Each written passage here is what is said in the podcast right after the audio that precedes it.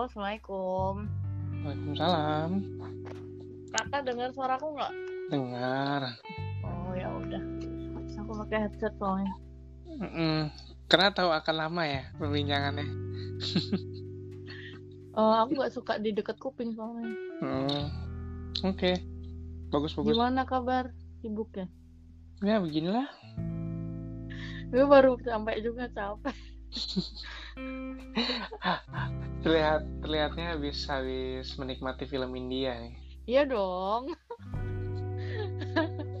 Itu sebagai me time. Oh gitu ya. Me- Sometimes kita harus nge-thread tuh kita dong. Iya iya benar benar benar. Me time-nya benar-benar sendiri nonton film India. Bener, bener.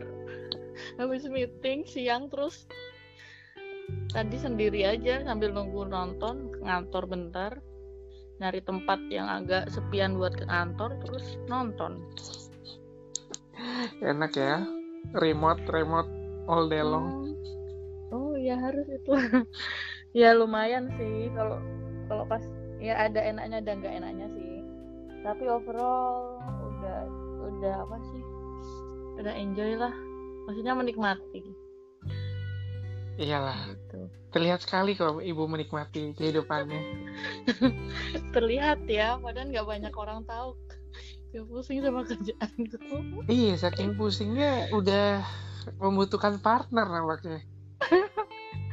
partner personal asisten iya banget Gila, gila, Iya. gila. Bener-bener loh, udah harus Iya. harus butuh asisten banget ibu ya. biar ada yang ngingetin soalnya gue sering lupa saking banyaknya Ya emang Google Calendar nggak cukup membantu. tidak Google. Calendar Google Calendar itu kayak dibaca udah gitu kalau personal asisten kan nanti dia nelpon terus dia yang nyebelin gitu karena dia kayak nagihin sesuatu gitu kalau Google Calendar kan cuma ingetin doang tapi nggak sampai bisa nelpon nggak ada yang diajak curhat gitu ya nggak. Sebenarnya butuhnya yang di bold and underline di line kedua ya, curhat itu ya. Yang mana Iya betul teman-teman kayak- udah pada nikah soalnya jadi teman-teman curhat yang udah itu pada udah curhat sama suaminya masing-masing Astagfirullahaladzim. Nah itulah kenapa saya menelpon ibu nampaknya. Sudah tahu arah pembahasannya ke mana. Eh, suaranya itu. Halo. Halo. Tadi sampai mana ya? Enggak, enggak. Sebenarnya emang lagi sibuk apa ya sih, Lid? Mau tahu nggak nggak sibuk apa? Sibuk apa? Jadi jadi tuh kan eh, banyak yang tertarik kan jadi apa personal assistant gue. Hmm. Terus mereka aku kasih link buat semacam ngisi form gitu loh. Hmm. Dan nggak semua orang gue kasih linknya Hmm. karena kalau gue kasih nanti mereka kalau misal aku share di publik agak ini agak urusan personal jadi aku nggak mau nge-share di publik secara banyak gitu tapi kalau di list nih selama setahun ini gue ada 19 amanah bapak. Gila, 19 amanah. Itu di luar kantor. Em, kalau di luar kantor satu. Terus beranak pinak. Kantor satu terus yang lainnya 18 berarti. Dan semuanya beranak pinak gitu. Target-target gue. Dan kayak gue kemarin baru ngelis soalnya kayak gue butuh apa aja ya? Terus gue list kan dan ternyata banyak juga. 16. 18 Karena- 18 ya karena karena waktu itu juga aku juga pernah di posisi yang ketika kuliah tuh tiga bulan tuh di 13 kepanitiaan itu juga udah pusing banget. Ini 16 18 Hmm. aduh ya Allah. Itu di luar kerjaan loh pak. Di luar kerjaan ya. Hmm. bener-bener deh yuk sibuk banget ya cuma orang nggak banyak tahu aja. Gue kan mereka taunya aku kerja sama aktif di sana sini toh. Tapi kan di situ banyak amanah kayak kerjaan gambaran aja ya. Kerjaan gue ya kan gue kerja perusahaan di Thailand kan. Hmm. nah secara aku asisten bosnya jadi ya karena bos aku American dan dia yang aku pernah ceritain itu loh yang aku dia nggak bisa bahasa Indonesia ya aku handle everything about bahasa dan juga company apalagi baru established di Indonesia kan. Hmm. ya semacam kita punya perusahaan sendiri gitu. Jadi kita ngurusin semuanya sendiri.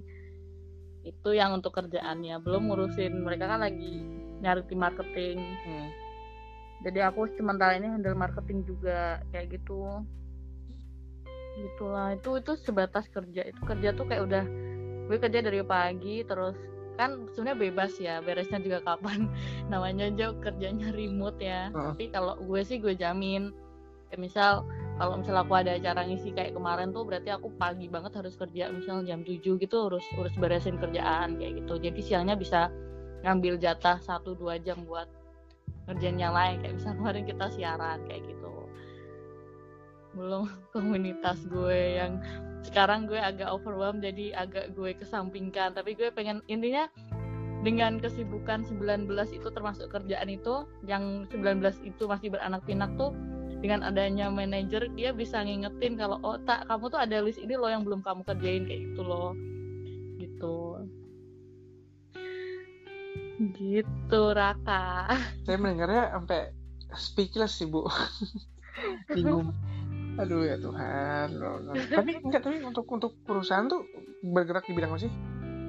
Eh, di ber- di bidang perikanan. Eh, perikanan alge. Ya alge hijau. Ikan ikan. Ikan dan kelautan perikanan dan kelautan. Nggak jauh-jauh lah ya dari jurusan. Oh enggak. Gue gue akhirnya setelah murtad murtad di lingkungan gue balik lagi di perikanan. Ya enak lah. Enjoy berarti kan kalau untuk kerjaan kantor enjoy di luar kantor juga Hmm. enjoy kan. Alhamdulillah. Akhirnya balik lagi setelah gue menghilang eh nggak menghilang sih maksudnya gue nyari passion di lingkungan dan gue dapet gue tujuh tahun bergerak di lingkungan terus akhirnya gue ternyata ditawarin kerjaan balik lagi ke jurusan tapi nggak masalah sih akhirnya gue bisa kerja dua-duanya gitu. Hmm. saya sampai bingung saya sampai bingung mau ngomong apa karena memang umurmu kita seumuran kan ya gitu? Iya kita tuh seumuran. 2010 kan 2010 kan. Apanya nih? Angkatannya. Aku 2011 kalau kuliah tapi karena oh my god. tapi kan aku gue dong. Enggak postpone postpone setahun jadi tuhannya sama lah. Oh ya sama berarti. Cuma ya itu karena kan kemarin juga yang di ya kita cerita-cerita soal aku juga udah mulai ngurangin. Karena dia udah mulai Iya. sadar diri ini badan udah mulai sakit-sakitan kayak apa ya udah nggak sanggup. Terus dirimu masih dengan 16 amanah. Aku juga nggak bisa ngebayangin itu segimana riuhnya. Karena aku aku udah belajar apa ya sebelumnya kan aku nggak suka apa nggak suka rejection ya. Dan reject Mm-mm. juga aku nggak suka. Jadi sebelum-sebelumnya kalau misalkan ada tawaran kerjaan dan emang mayoritas yang datang itu volunteerism terus semua tuh. Nggak bisa aku tolak gitu loh. Tapi sekarang tuh aku udah mulai belajar untuk menolak. Ajarin dong ajarin. Karena kan aku orangnya nggak enakan kan jadi kayak mas isi mas ada kelas gitu. Terus dulu tuh pasti kayak bela-belain tuh dulu kayak isi kelas di Bekasi rumahku kan di Tangerang. Nggak dapat apa-apa maksudnya orang orang akan bilang lu di, dibayar berapa gitu kan untuk untuk ngisi kayak gitu? Enggak nggak dikasih nggak bayar apa-apa. Coba bela-belain Tangerang Bekasi karena memang atas dasar ya suka sama dunianya sama juga nggak enak kan untuk ditolak ya udahlah jalanin. Tapi sekarang tuh udah mulai belajar untuk nolak udah. Hmm. at least aku udah nggak pernah terima apa ya tawaran kelas di hari minggu lah. Kalau dulu kan masih suka ada isi-isi di hari minggu. Aku hari minggu full day di rumah pasti sekarang. Enak banget. Udah belajar karena karena badan udah mulai nggak sanggup sih aku lihat. Nggak tahu kalau kamu mungkin masih masih apa namanya masih lagi semangat semangatnya kalau badan aku sih aku ngerasa intinya aku perlu lebih apa ya? aku ini udah ngurangin sih sebenarnya. Hmm. Udah mulai ngurangin ini makanya kayak aku list itu berarti tahu kayak ini penting nggak penting apa yang bisa skala prioritas itulah pokoknya Hmm. terus itu sih bisa dibilang nolak itu yang cukup aku sih aku karena mungkin gue orang Jawa ya Hmm. jadi kayak rasa nggak enakan itu sangat kental sekali gitu tapi perlahan sekarang cuma gue kalau untuk Sabtu Minggu tuh karena gue dapat amanah sampai bulan Desember dan gue Sabtu Minggu tuh harus standby gitu. Jadi kayak ya nggak bisa itu jadi udah aku agendain tuh sampai Oktober akhir nanti tuh gue. Sabtu Minggu gue dihabisin sama pekerjaan itu gitu. Sampai Oktober tuh? Iya. Ya ampun. Terus Desember lagi gitu. September lagi. Ya tapi karena gue udah udah bahasanya udah akad udah declare bahwa gue bisa ya itu konsekuensi gue kan gitu. Tapi untungnya gue ada wakil jadi kayak kalau pas aku nggak bisa biasanya aku minta tolong dia. Intinya komunikasi sih gitu. Dan bagi peran aja. Ini wakil di kerjaan di luar itu yang untuk Enggak. labor nggak ini organisasi. Organisasi. Nah, jadi kebetulan gue tuh dapat amanah namanya namanya programnya PPAN hmm. pertukaran perteku- pertukaran pemuda antar negara gitu kan Hmm. dan aku tuh jadi bahasanya ketua panitia untuk training Hmm. jadi semacam project officer kalau di di perusahaan tuh Hmm. ya handle semuanya mulai dari administrasi terus ngelola tim Hmm. pendanaan kan itu programnya Kemenpora kan Hmm. terus kemudian bikin timeline schedule buat partisipan. Kan kita nge-training 28 pemuda di seluruh Indonesia kayak gitu. Nyari tempat pembicara. Ya kayak namanya PO kayak gimana ya? Kayak gitulah pokoknya. Yang biasanya biasa. kamu ini. Gitu jadi setiap satu minggu tuh pasti kayak gitu. Makanya kalau satu minggu tuh ya gue akhirnya mencari pelampiasan dengan kayak main sama temen nonton waktu itu ngilang aja. Nggak ngilang sih kayak main aja nanti kayak gue besok Jumat gue mau me time sampai Senin gitu di somewhere kayak gitu. Tidak, lo tuh perwakilan NTB gak sih? apa untuk Yang SCD, SCD iya iya perkuliahan TB Iya, gue mau ke Lombok sebatas ngapain main aja. Oh untuk me time itu? Iya Gue banyak yang pengen ketemu sih sebenarnya tapi kayak Wadaw, nah itulah gue gue sulit batasin, sulit gue batasin. sulitnya jadi sulitnya jadi aktivis ya kayak gitu ke mana pun pasti dikintilin untuk kak ketemu kak sharing itu pasti kayak gitu Iya, kayak kayak kan kayak, kayak kemarin aku juga ke Bali juga gitu tuh waktu padahal niatnya 100% mau liburan pada akhirnya ada aja yang mau ketemu Iya. Ini kan BCD kan lagi rame tuh di grup bahas tapi gue ngeliat lombok-lombok terus gue tahan. Lu jangan menawarkan diri. Aku udah diam aja di BCD kan lagi rame tuh di grup Hmm, sebelah gitu WhatsApp. Nggak tau ada ada lombok-lombok gitu kan. Iya nggak sih? Kalau Hmm. bisa nggak salah baca. Enggak, aku gak pernah baca kan? grup juga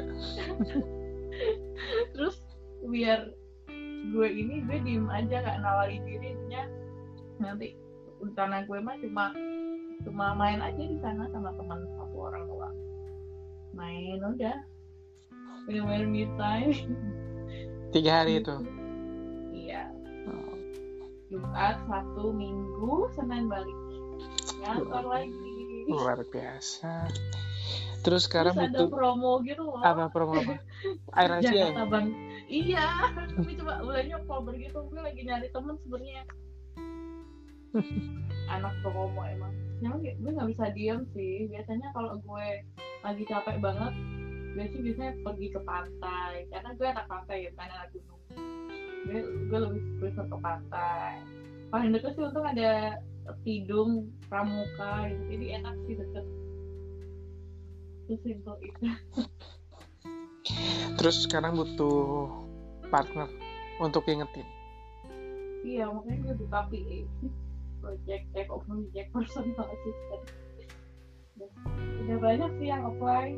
Gue pengennya adalah menginterview bagaimana menemukan orang yang cocok sama gue tapi dari dari dari membutuhkan partner tersebut ini kan sekedar partner untuk ibaratnya apa ya uh, asisten lah. Tapi nggak pernah terpikir ya benar-benar butuh partner. Literally partner. Partner apa nih? Partner kerja. Enggak enggak partner benar-benar partner aku nggak mau Oh nyebut ini aku nggak mau nyebut ini ya nggak mau nyebut pacar. Mungkin orientasi dirimu kan berbeda. Ah, Calon suami kali ya? Hmm ya bisa dibilang seperti itu. Atau partner aku makanya lebih senang bilangnya partner. Karena kan kenapa? Ah, ya karena dari deskripsi yang kamu sebutkan dan aku baca di instastory kemarin nih ya, ketika kamu butuh asisten semua deskripsi yang kamu sebutkan itu adalah partner gitu maksudnya bukan asisten gitu kayak bukan se- bukan sekedar bukan sekedar untuk mengingatkan tapi juga untuk teman diskusi uh, teman memberikan saran terus kalau misalkan ada yang salah minta tolong diperbaiki. Jadi itu kan kayak ya kenapa nggak sekalian cari partner gitu oh, yang salahnya tuh gue tuh nggak mau membebani dia. Dia kayak uh, beberapa beberapa kali sudah sering banget sih. Kalau pas gue lagi ngisi acara tuh mereka selalu tanya uh, berapa orang mbak? gitu. Mbak gue mah sendiri aja aku lagi gitu kan hmm. maksudnya? Jadi kayak misal minta disiapkan berapa kamar berapa orang gitu kan memang aku semuanya sendiri kan. Hmm. dan ya sendiri aja mbak. Saya mah sendiri aja gitu. Terus ya gue ngerasa kelihatannya gue butuh orang yang bantuin ngontrol semua kegiatan gue. Kalau misal partner beneran nih misal calon suami gue gitu atau mungkin nanti sampai suami gue gue minta untuk ngeris semua jadwal gue cerita gue kan kasihan soalnya dia kan pasti punya pekerjaan lain. Dan aku nggak mau mengganggu pekerjaan dia ditambah dengan keluh kesah gue dengan kalau misal tahun ini 19 aktivitas gue kayak gitu loh kasihan hmm. aja gitu. Dan itu bukan pekerjaan dia gitu. Yeah. kalau kalau sama suami kan ya kita sebatas sharing aja solving problem. Tapi bukan berarti untuk mengatur semua jadwal gue dari dari senin sampai minggu. Kasihan sih gue. Bener gak sih kak? Gue sih nggak tahu. Itu mah pikiran gue ya. Hmm. eh tapi sebelum sebelum lanjut suara suara lu agak jauh deh. Lu lagi oh, iya, iya. speaker ya? Nah ini deket lagi tuh Oh ini karena gue ini gue jauhin sama speaker. Oh ya HP-nya gue deketin deh. Kayak lagi ngomong sama angin tau gue. iya ada kipas angin. Nggak tapi apa ya orang-orang sibuk macam dirimu dan yang sejenis lah yang pernah aku kenal itu memang terkadang suka suka terlalu asik sama diri sendiri hingga pada akhirnya lupa bahwa memang sebenarnya dia butuh butuh partner gitu loh uh, hmm. dalam arti sebenarnya. Terus aku, ya, hmm. ya, di sini aku coba pengen tahu sih sebenarnya dari seorang Ranitia Nurlita ini bagaimana sih memandang kebutuhan dirinya akan partner tersebut gitu. Kalau Anus nih ya. Iya nanti kok kata gue sebenarnya gue jarang banget sih ngomongin sama publik soal kayak gini sebenarnya tapi nggak masalah kan FYI aja buat sharing ke para raka influencer raka pendengar raka ya jadi kalau masalah ini tuh hmm, nanti complicated sih gue soalnya jarang banget cerita kayak gini.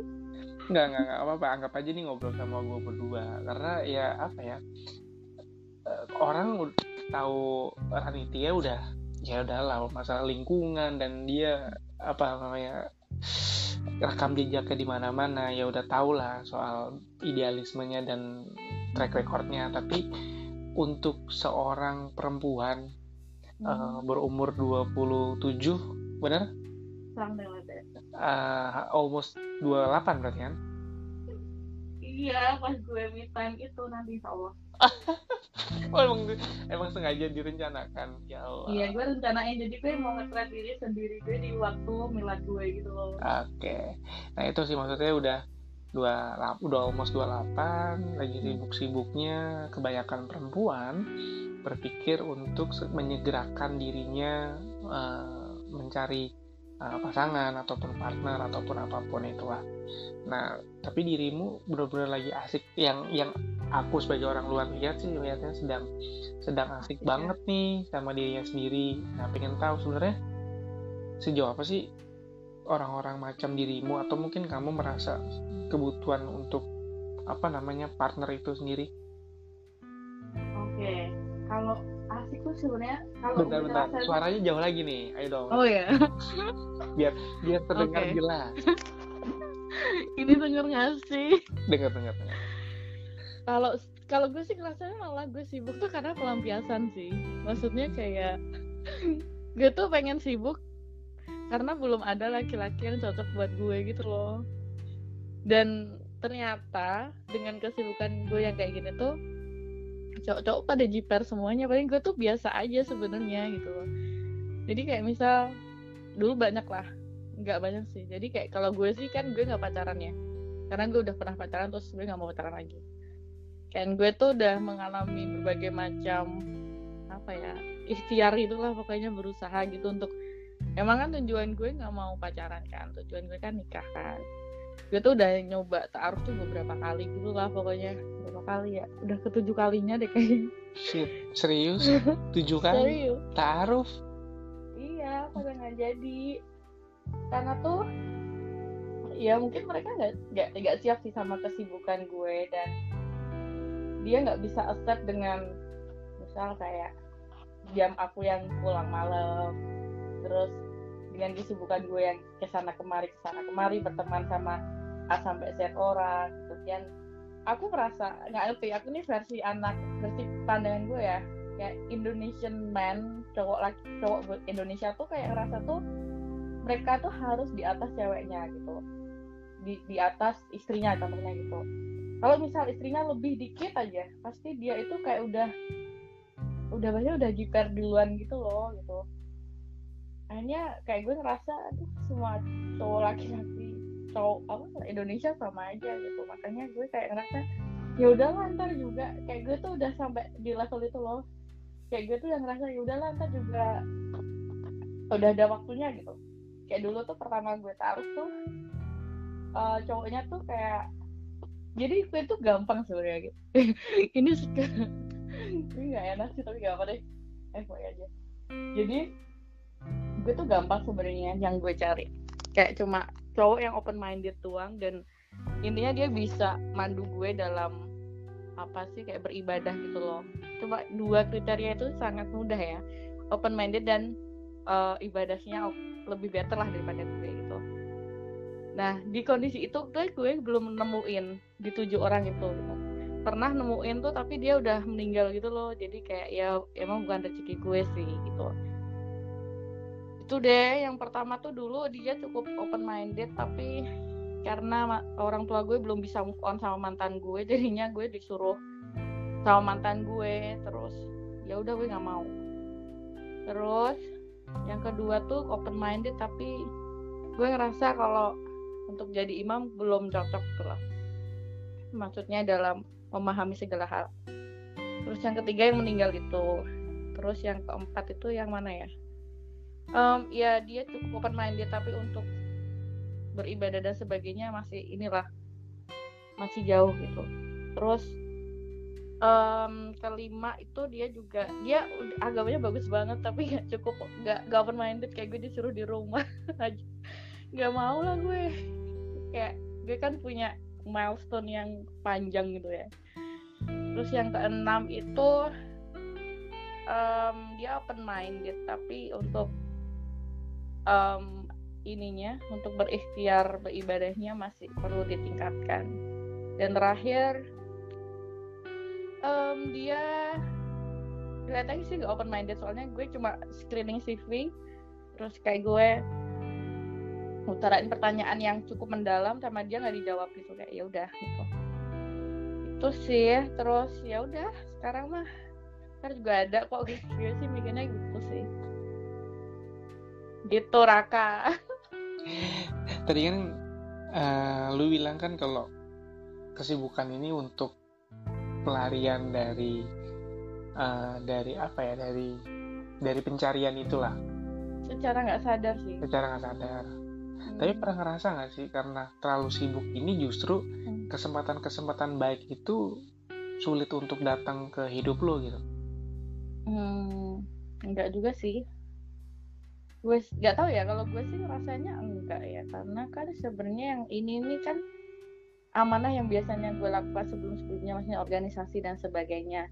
Kalau memang itu jodoh gue dan dia bisa menerima kesibukan gue itu bisa deket gitu. Soalnya kayak dua tahun terakhir ini tuh gue udah cukup istilahnya udah cukup ya. Maksudnya gue udah cukup berikhtiar dan gue juga terbuka sama si calon calon itu yang nggak jadi itu.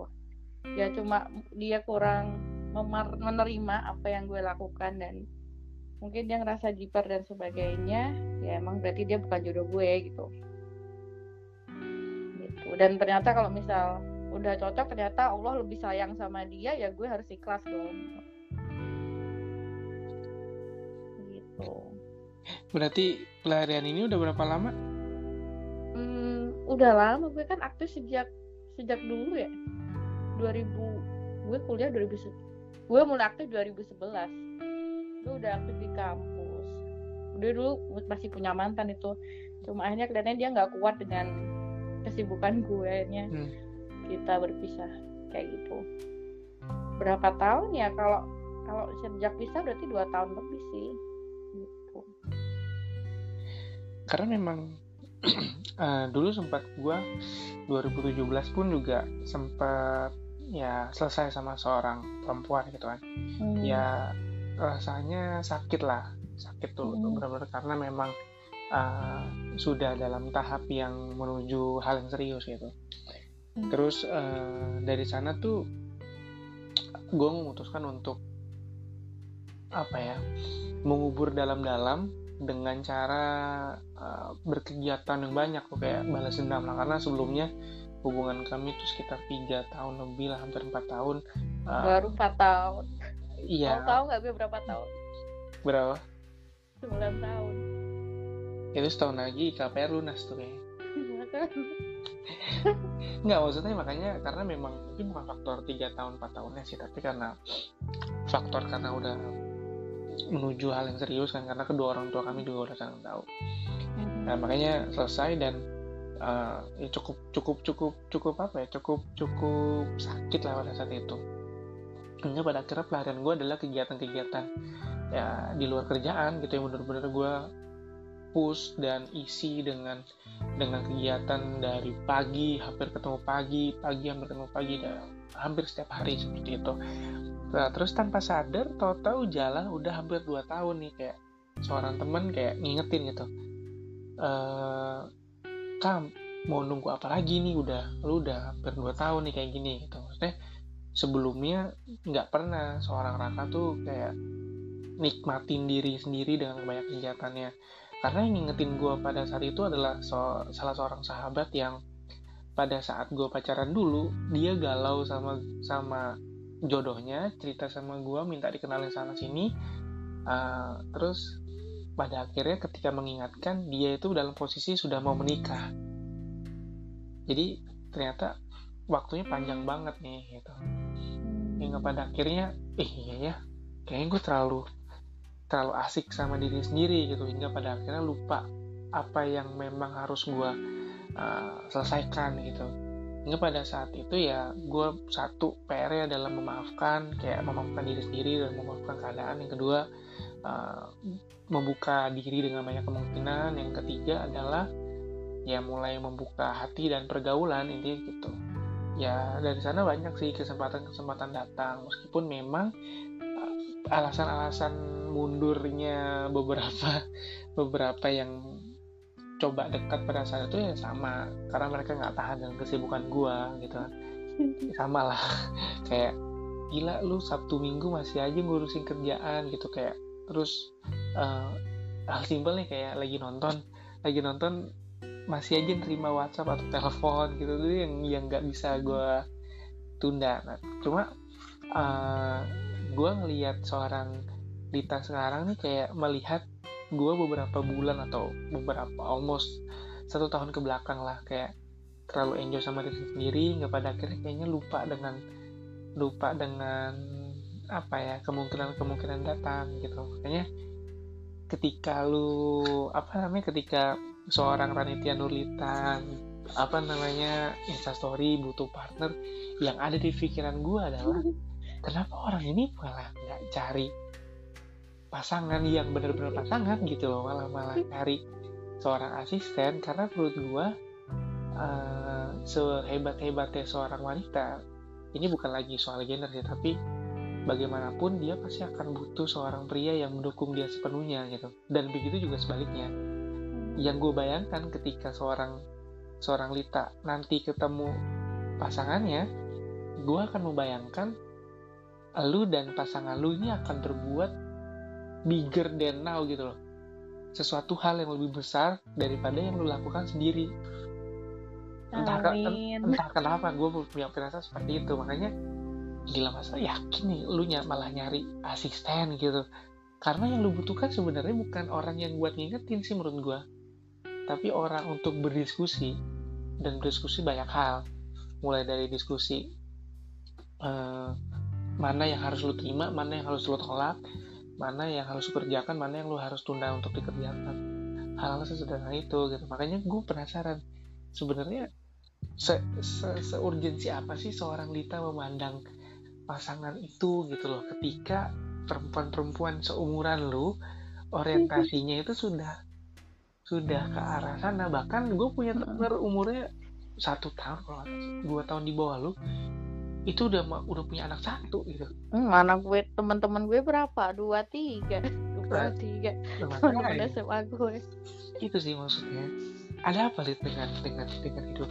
Ada ada ada trauma sendiri kah atau hmm. Sesuatu hal yang mungkin lo belum gapai gitu? Kalau semua hal yang gue gapai gue udah dapet semua sih anyway. Kayak Terus? alhamdulillah gue kayak bisa dibilang gue udah dapet semuanya. Gue sih ngerasa kayak gue udah bersyukur gitu di umur gue yang sekarang gitu. Kayak gue udah bahasa anak muda sekarang ya kayak bisa keliling negara keliling negeri gratis terus masuk TV kayak gitu. Terus kemudian apa lagi kayak alhamdulillah juga udah udah bisa melengkapin rukun lim, apa rukun Islam kelima gitu. Terus kemudian juga uh, intinya merasakan semuanya gitulah. Cuma nggak tahu ya kayak gue ngerasa kan gue udah udah ikhtiar tuh. At least tujuh kali gue udah berikhtiar gitu mencari. Dan semakin gue cari kayak gue ngerasa tuh semakin menjauh gitu loh.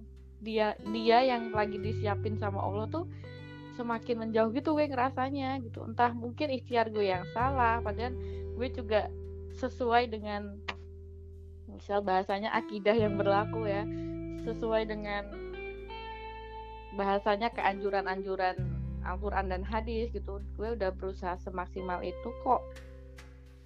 Gue kok ngerasa semakin menjauh dengan ikhtiar-ikhtiar gue yang gue lakukan. Padahal gue juga minta tolong ke sahabat-sahabat gue yang tahu orang-orang orang tersebut gitu gue juga nggak tahu kok kok belum sampai sekarang tuh dan gue kan bukan tipe orang yang mengutarakan langsung ya. Maksudnya kayak gue ngomong duluan gitu loh. Gue gue cukup tipe orang yang kayak bahasanya apa ya kayak gitu?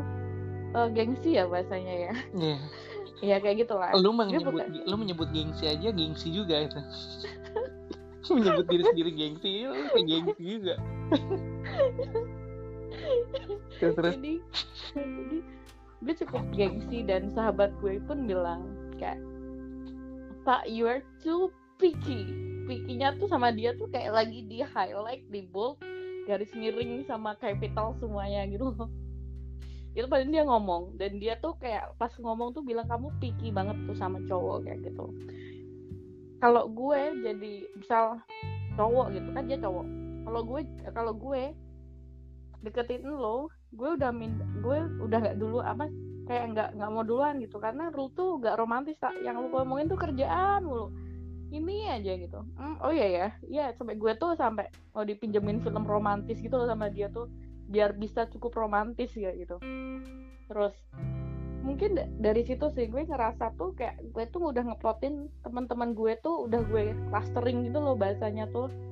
Cluster nih misal nih oh dia tuh temen temen temen curhat gue. Terus oh dia itu sebatas teman oh dia tuh temen kerja gue. Oh dia itu um, teman organisasi gue. Di saat misal ada orang misal teman organisasi atau teman kerja gitu yang dia pengen melompat lebih dalam melompat lebih dalam kayak dia pengen masuk ke hati gue dia tuh harus harus kayak film-film runner gitu loh. Dia tuh harus melewati lapisan-lapisan yang sangat dalam agar dia tuh bisa masuk ke oke okay, gue enjoy sama dia kayak gitu loh. Dan banyak laki-laki tuh yang dia tuh nggak bisa masuk sampai ke dalam gitu. Karena jadinya di pertengahan tuh mereka udah mundur duluan padahal gue tuh sebenarnya tuh cukup membuka ya kayak gitu. Cuma ya gue harus harus ada perlakuan khusus gitu loh di gue dan bagaimana si laki-laki itu tuh harus pinter ngambil hati gue yang bisa dibilang kata sahabat-sahabat gue tuh gue uh, masang tembok yang sangat tinggi sehingga mereka tuh nggak bisa sebatas ngetok pintu aja nggak bisa gitu jadi harus loncat katanya sih gitu Kenapa Lid kayak gitu? Nggak tahu ya. Eh, mungkin gini kali ya. Kayak kan gue kan di Jatim, orang tua gue semua di Jatim. Terus sejak kuliah tuh gue kan sama orang tua tuh dididik mandiri. ini juga sebatas uh, semacam flashback juga ya. Flashback soal mantan gue. Emang gak masalah sama mantan gue. Lagian udah nikah juga kan. Jadi kayak sama orang tua gue kan dituntut mandiri ya. Dari kuliah tuh berarti udah gue 2010 berarti sekarang 2019 udah 9 tahun lah. Gue tuh bener-bener didirikan diri semuanya sendiri. Apalagi mantan gue kan dulu di daerah gue juga di hometown gue di Bojonegoro. Dan sama dia itu kayak bahasanya dididik untuk menjaga hati kayak gitu. Menjaga hati dari jauh.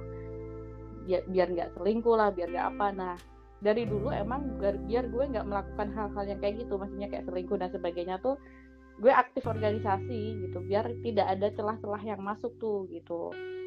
Mungkin itu salah satunya ya. Jadi gue udah terbiasa selama ini dengan kesibukan gue dan menjaga hati. Entah hatinya kalau dulu kan hatinya buat mantan gue tuh. Kalau sekarang kan gue biasa-biasa aja ya. Hatinya buat ya buat yang lagi disiapin gitu. Mungkin itu sih gue ngerasanya. Tapi sebenarnya kalau pengalaman buruk dan sebagainya tuh nggak ada gitu. Cuma gue terlalu apa ya pilih-pilih kali ya. Nggak pilih-pilih juga sih. Kayak terlalu hati-hati terlalu memilih tapi sebenarnya gue cuma dua kriteria tadi doang gitu. Ya intinya balance antara buat apa yang ada kita sekarang dan apa yang akan ada di in the future gitu. Itu sih. Tapi ketika ketika lu berkegiatan mm-hmm. pasti ada dong titik-titik di mana lu ngerasa lelah capek almost give up itu ada kan? Hmm, ya biasanya sih pernah tapi akhirnya gue balik lagi ke niat gue. Kayak kamu udah sejauh ini tak masa kamu give up tuh Iya maksudnya di titik-titik itu pernah gak sih ngerasa Pernah bahwa, dong. Maksudnya Aduh gue butuh seseorang nih. Pernah, pernah banget Tapi tapi kayak gue sampai nangis nangis pun tapi emang belum waktunya ya nggak akan dikasih gitu loh maksudnya. Tahu nggak? Ya, makanya berarti publik pun juga tahu bahwa ternyata seorang Renatian Nolita pernah ada di posisi itu ya. Bahwa pernah. diri bahwa diri lu ternyata manusia normal. Iya gue normal kok. Gue gue mah gue sering sih di dalam titik itu kayak gue sendiri ya ya gue sendiri ya mah. Kayak gue sendiri nggak ada yang gue ajak curhat terus sampai tuh gue sampai telepon sahabat gue cewek gitu. Aku telepon tuh sampai dua tiga jam gitu gue telepon terus habis itu besoknya gue telepon sahabat gue yang lain. Cuma cuma aku pengen mereka dengerin keluh kesah gue. Terus hanya kita galau bareng gitu kan. Cewek itu sama cewek yang lagi mencari pasangan. Jadi kita galau bareng. Terus gak ada yang nge-stop. Kocak aja sih gitu. Tapi ya nggak apa-apa intinya kayak ya bisa dengerin kita gitu. Terus biasanya sih yang gue lakuin kalau pas lagi kayak gitu sih ya gue harus pergi gitu. Maksudnya pergi ke somewhere yang bisa gue bikin tenang. Terus HP yang kayak, kayak tadi kamu bilang nonton itu semuanya aku airplane mode kayak gitu. Terus sebatas no one knows kayak di mana aku berada gitu. Hanya aku dan Allah yang tahu aku di mana kayak gitu. Terus ya gue cukup sering sih tapi gue ya balikin lagi ke gue gue balikin lagi niat kamu udah sejauh ini terus coba berbaik berbaik sangka ya sama Allah. Kayak intinya gue udah ikhtiar sejauh ini dan kalau memang belum waktunya ya udah gitu. Intinya ya wes lah. Nggak bisa dipaksain juga gitu. Gitu. Soalnya kalau misal kita paksain gitu ya maunya ini di waktu segini eh, kayak kayak gue umroh kemarin tuh sebenarnya gue agak sedikit maksa sih sama Allah anyway.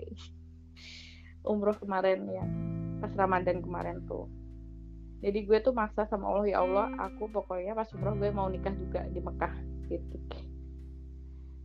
Dan apa dong yang terjadi? Akhirnya ya sampai pas detik-detik mau umroh tuh belum ada laki-laki yang mendekat. Padahal gue ikhtiar gue tuh kayak gue pengen nikah pas pas bulan Ramadan di depan Baitullah lagi. Itu kayak my dream come true banget pengen banget sih. Terus dan gue kayak memaksa kan. Secara nggak langsung tuh memaksa sama Allah. Ya Allah pokoknya gue mau umroh. Terus gue mau nikah. Nggak tahu caranya gimana pokoknya gue mau nikah. Terus ya emang semakin mendekati hari H maksudnya mendekati hari H waktu umroh nggak ada tanda-tanda sama sekali gitu. Nggak ada tanda-tanda sama sekali nggak ada laki-laki yang mendekat ataupun yang mengikhtiarkan. Kayak ya udah berarti ya aku harus ikhlas.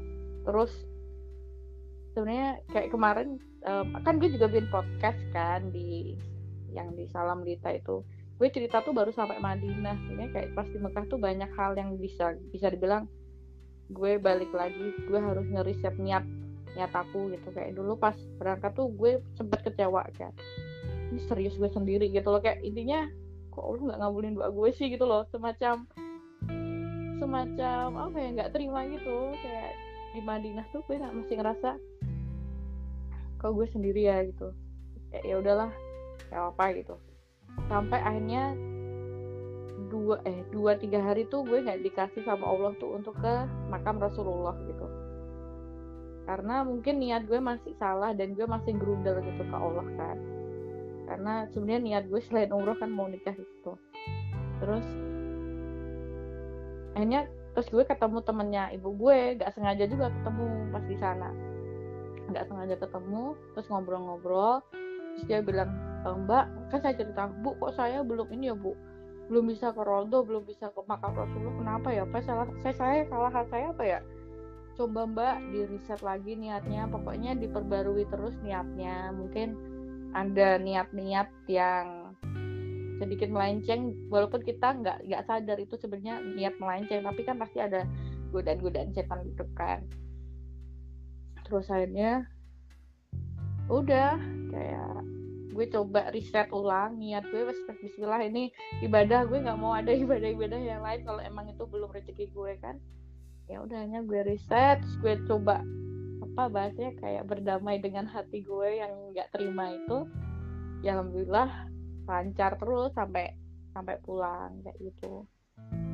Tuh pas di pas pulang pun juga banyak sih kayak kenapa gue Ramadannya tuh sampai pulang maksudnya sampai sampai lebaran tuh karena gue nggak mau ditanyain hal-hal yang kayak gitu di keluarga gue gitu. Makanya gue sengaja setelah umroh gue extend kurang lebih tiga hari di Malaysia nginep di temen gue sampai gue menunggu hari tenang hari tenang orang-orang udah pada pulang ke daerah mereka masing-masing. Kan kalau misal gue masih di desa pasti yang ditanya itu dengan hal yang sama yang bisa dibilang nanti bikin gue makin stres gitu. Akhirnya bahasanya gue kabur jadi setelah umroh biasanya pada pulang gue nggak pulang gue ke Malaysia dulu main ke batu cave dan sebagainya gitu. Intinya gue menghindari pertanyaan-pertanyaan seperti itu. Sampai gue tuh melakukan banyak hal loh selain ikhtiar tuh kayak gue ngerasa apa ada jin ya yang suka sama gue ya sampai sampai gue tuh kemarin sempat apa tuh namanya apa sih kayak kayak gitu yang membersihkan jiwa itu Rukia. Uh, iya Rukia. Gitu. Gue, gue ikut pelatihan Rukiah gitu seharian. Mulai dari gimana istiah is, apa Rukiah pribadi atau mungkin mungkin ada jin yang suka sama gue kan nggak tahu ya. Mungkin ada penyakit ain kayak gitu. Ya dari situlah ya ya gue mencoba untuk itulah melakukan segala hal lah intinya. Gitu. Panjang. nggak apa-apa biar ya akhirnya juga gue juga paham dan orang juga mungkin nanti akan paham gitu karena gue yakin bukan cuma gue yang punya um, pikiran sama terhadap hmm. terhadap seorang Ita yang sibuk banget gitu kalau orang juga kenal uh, tahu dirimu juga pasti juga akan punya at least pemikiran kayak oh Lita belum menemukan pasangan ya atau misalkan hmm. Lita apa nggak apa terlalu asik dengan dirinya sendiri gitu hmm. tapi kalau kayak gini mau sampai kapan itu Iya sampai ada waktu ada seseorang yang berani Nggak, kita nggak siapa dia kita nggak berbicara soal faktor eksternal tapi kita berbicara soal dirimu uh, lu, uh, lu ngerasa udah selesai sama diri sendiri loh udah dari lama gue selesai sama diri gue sendiri tuh sepulang gue haji sih sebenarnya Oke. Okay, Makanya terus? kenapa gue mulai taruh tuh sejak gue sepulang haji tuh ya karena gue udah selesai sama diri gue sendiri gitu. Terus ya gue udah coba ikhtiar selama dua tahun ya. terus belum ini ya intinya gue enjoy proses enjoy kerjaan gue. Terus kan gue tiap bulan juga pulang kan ke Jatim itu juga biar intinya orang tua gue ngerasa anaknya ada dan gue juga emang gue lebih family time gitu. Ya karena bahasanya gue udah kerja udah punya duit sendiri gue punya bisa ngontrol duit gue sendiri bisa ketemu orang tua juga gitu kan ya gue sebenarnya kalau hidup gue udah selesai itu udah sejak dua tahun lalu gitu. Dan gue juga udah ikhtiar secara nggak langsung tuh udah udah dua tahun. Cuma ya kita nggak bisa maksain ya. Kayak cocok nggak cocoknya sama orang gitu. Kayak contohnya yang dulu pertama banget gue taruh kayak gue udah cocok sama dia dia udah cukup settle. Ternyata orang tua gue yang nggak bisa move on sama mantan gue kan. Sampai akhirnya dua tiga bulan lalu dia nikah orang tua gue baru bisa diem baru diem bu udah jangan tanyain dia lagi dia udah nikah gitu. Nggak usah aku nggak usah dipaksa sama dia lagi gitu. Nah dulu kan kayak yang taruh pertama gue dia udah mau ke rumah tapi karena orang tuaku sampai aku tuh dibawa ke ustadz gitu loh sampai nama mas itu sama nama mantan gue tuh disamain gitu. Artinya apa? Ya namanya orang Jawa. Kayak ini artinya apa? Dilihat fotonya kayak what? Apa itu? Kayak gue ngerasa nggak penting kayak gitu juga gitu sejauh itu ikhtiar gue terus apa lagi ya hmm, yang udah cukup mulai jauh itu sih terus yang lainnya sampai di tahap biasanya di tahap pertemuan itu pada mundur ya mungkin karena gue sibuk kali ya gitu. gitu dengan deh. dengan kesibukan lu yang yang benar-benar orang tidak tidak expect ini sebenarnya yang lu cari apa sih yang gue cari apa nih maksudnya iya, partner atau apa enggak, enggak, maksudnya uh, gue selalu menanyakan hal yang sama dengan mm-hmm. setiap orang yang gue ajak deep talk dan mm-hmm. dan mereka tuh selalu berbicara soal ambisi, ego mm-hmm. dan apa yang mau mereka capai. Tapi.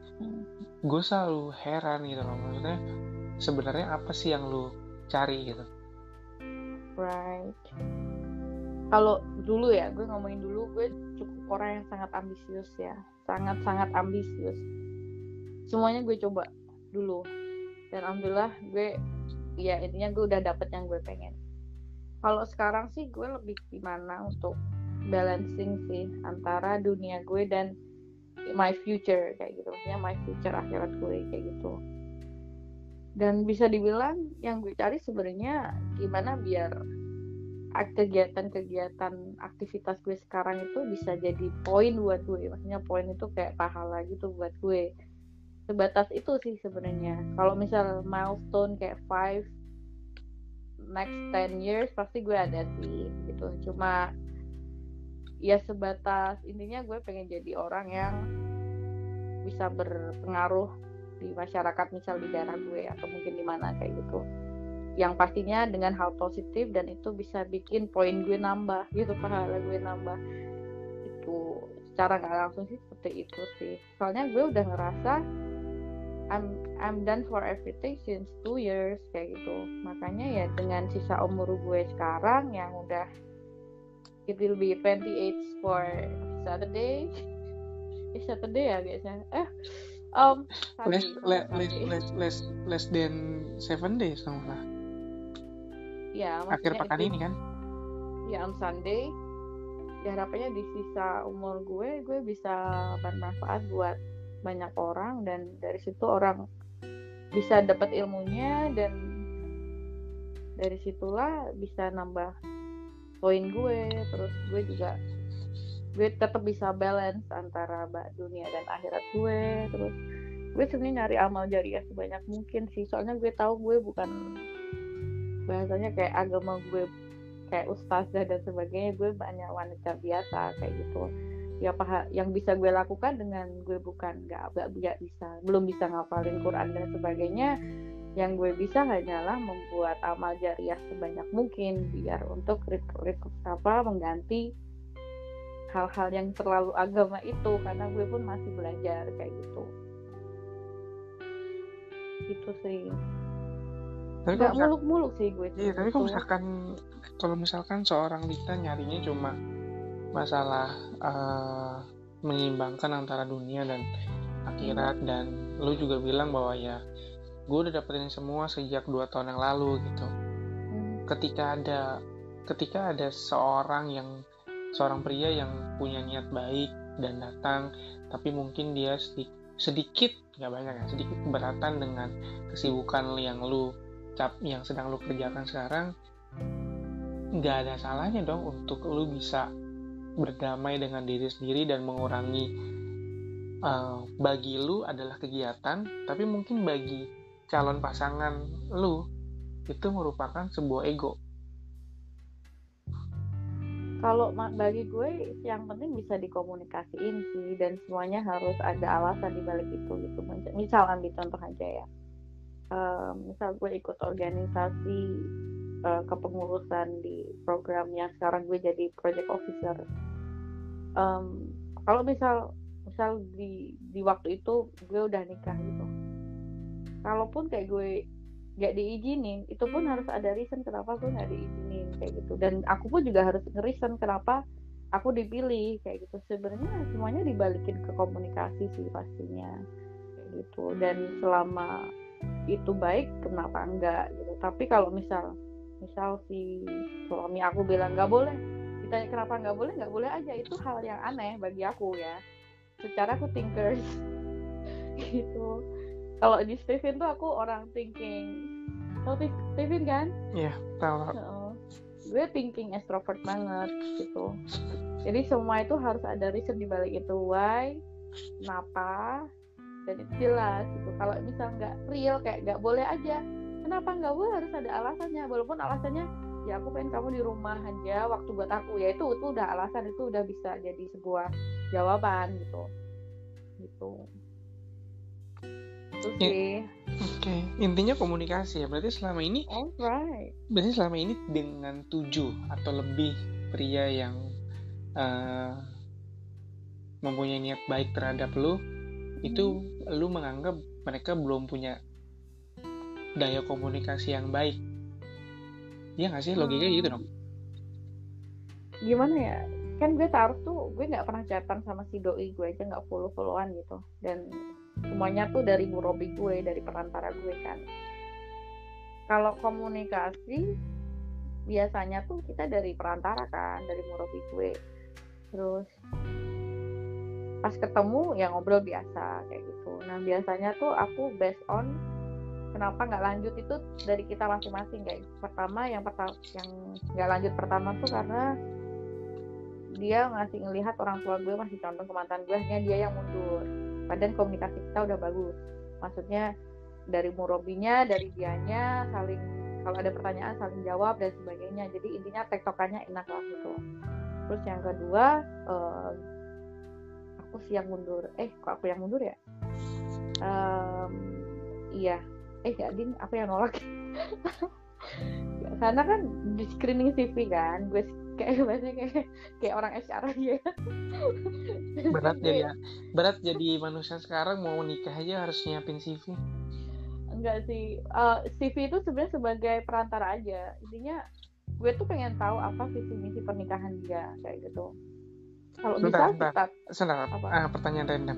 Isi Aha. CV untuk menikah itu sama dengan CV untuk bekerja? beda Oh beda. Isinya apa kalau boleh tahu? Itu tertulis, benar tertulis kan?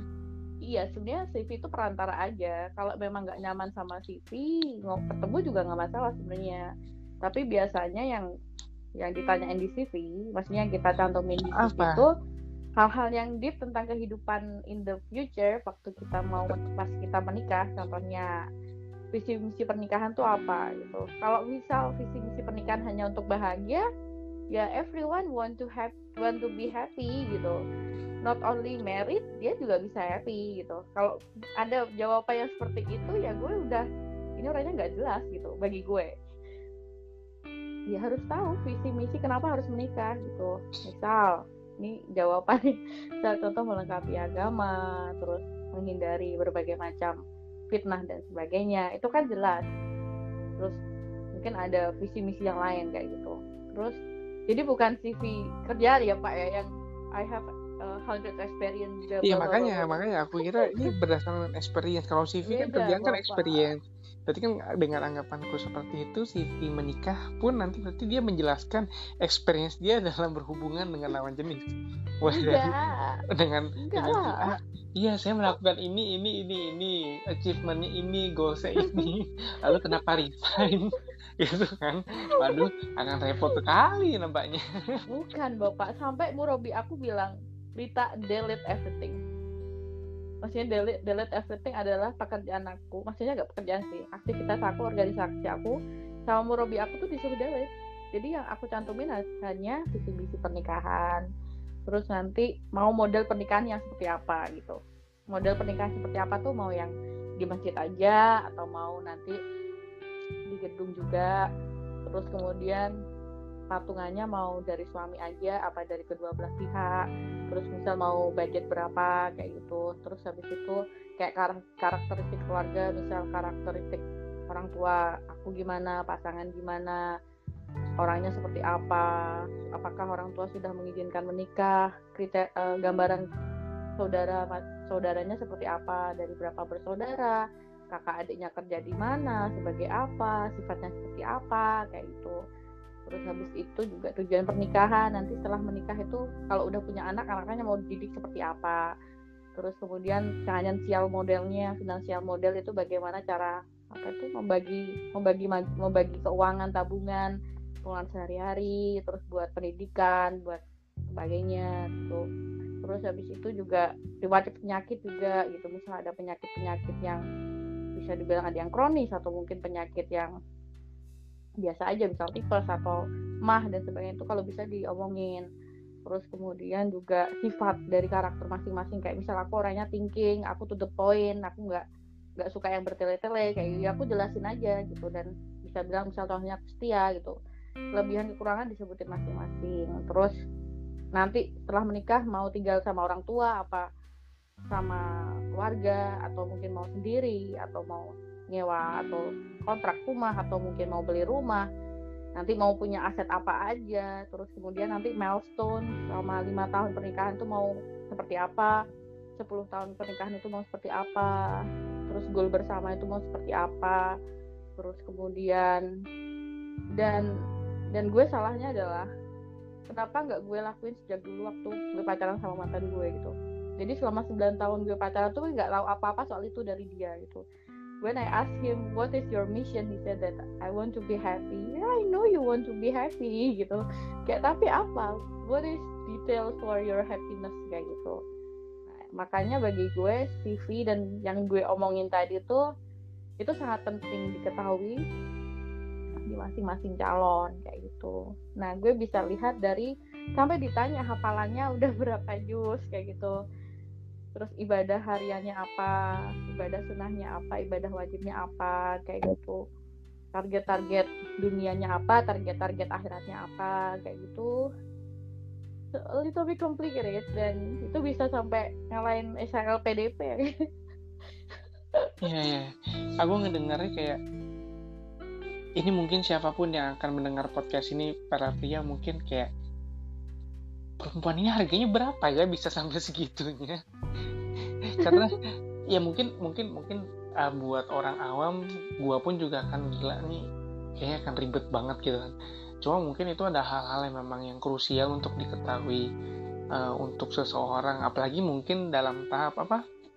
Taaruf ya.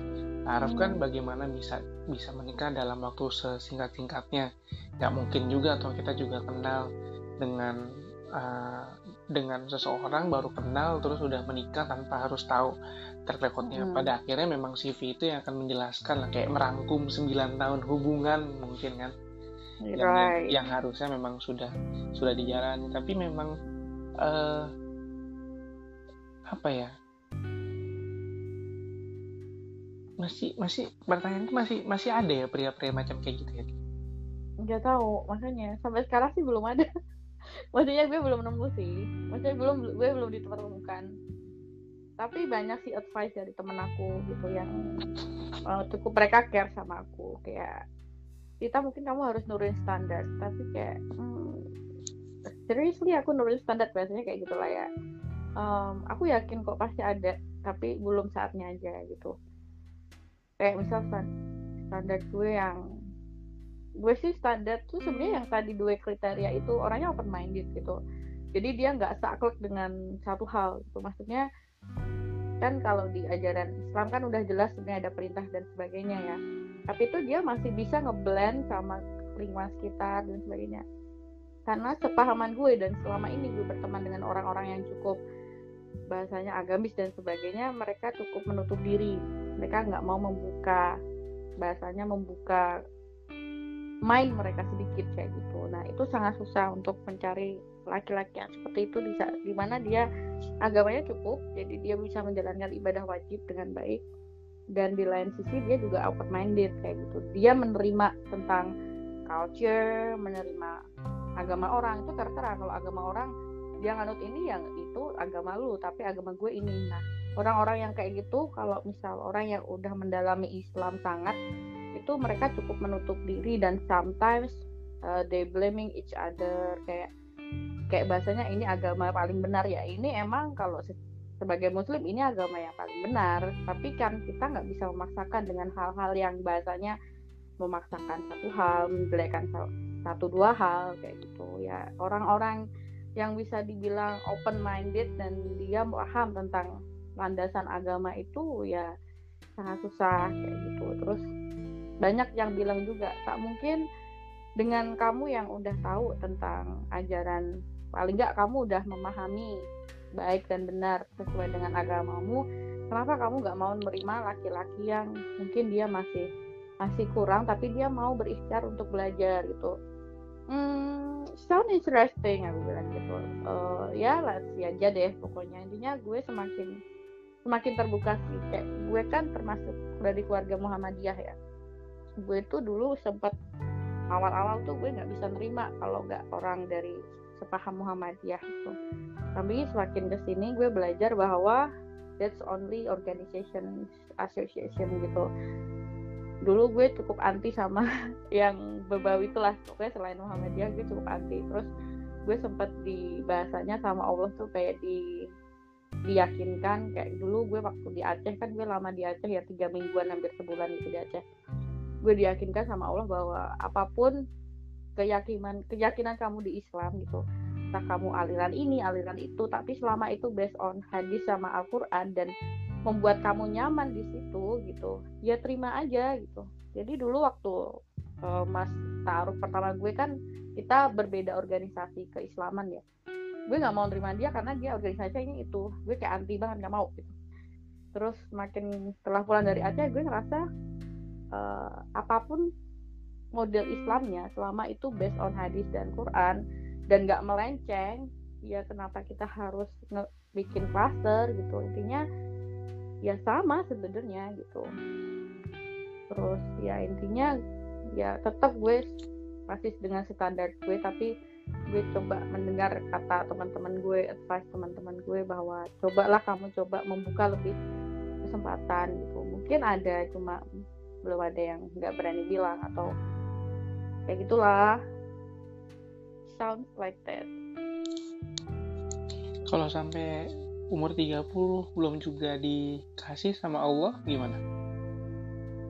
Ya gue nggak tahu sih. Gue yang pasti gue yakin suatu saat pasti ada. Cuma kapan waktunya masih walau alam.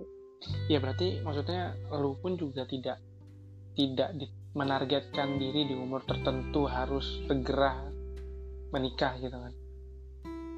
Kalau target gue sih as soon as possible di mana sudah ada yang cocok kan ya, maksud, gue, maksud, maksudnya gini kalau kalau itu tuh bener sampai sampai kayak ah gue nargetin diri di umur 25 nih terus toto udah hmm. di umur 25 belum juga nemu pada akhirnya dia rela melakukan apa pun mungkin kayak menurunkan standar atau misalkan berdamai dengan sikap-sikap yang tidak sebenarnya tidak disukai dengan pasangan tapi pada akhirnya ya gue udah harus nikah nih di umur 25 gitu hmm. lu nggak akan hal nggak akan seperti itu kan? Kalau gue sih bahasanya kalau menurunkan standar sih lebih ke berdamai aja sih sebenarnya.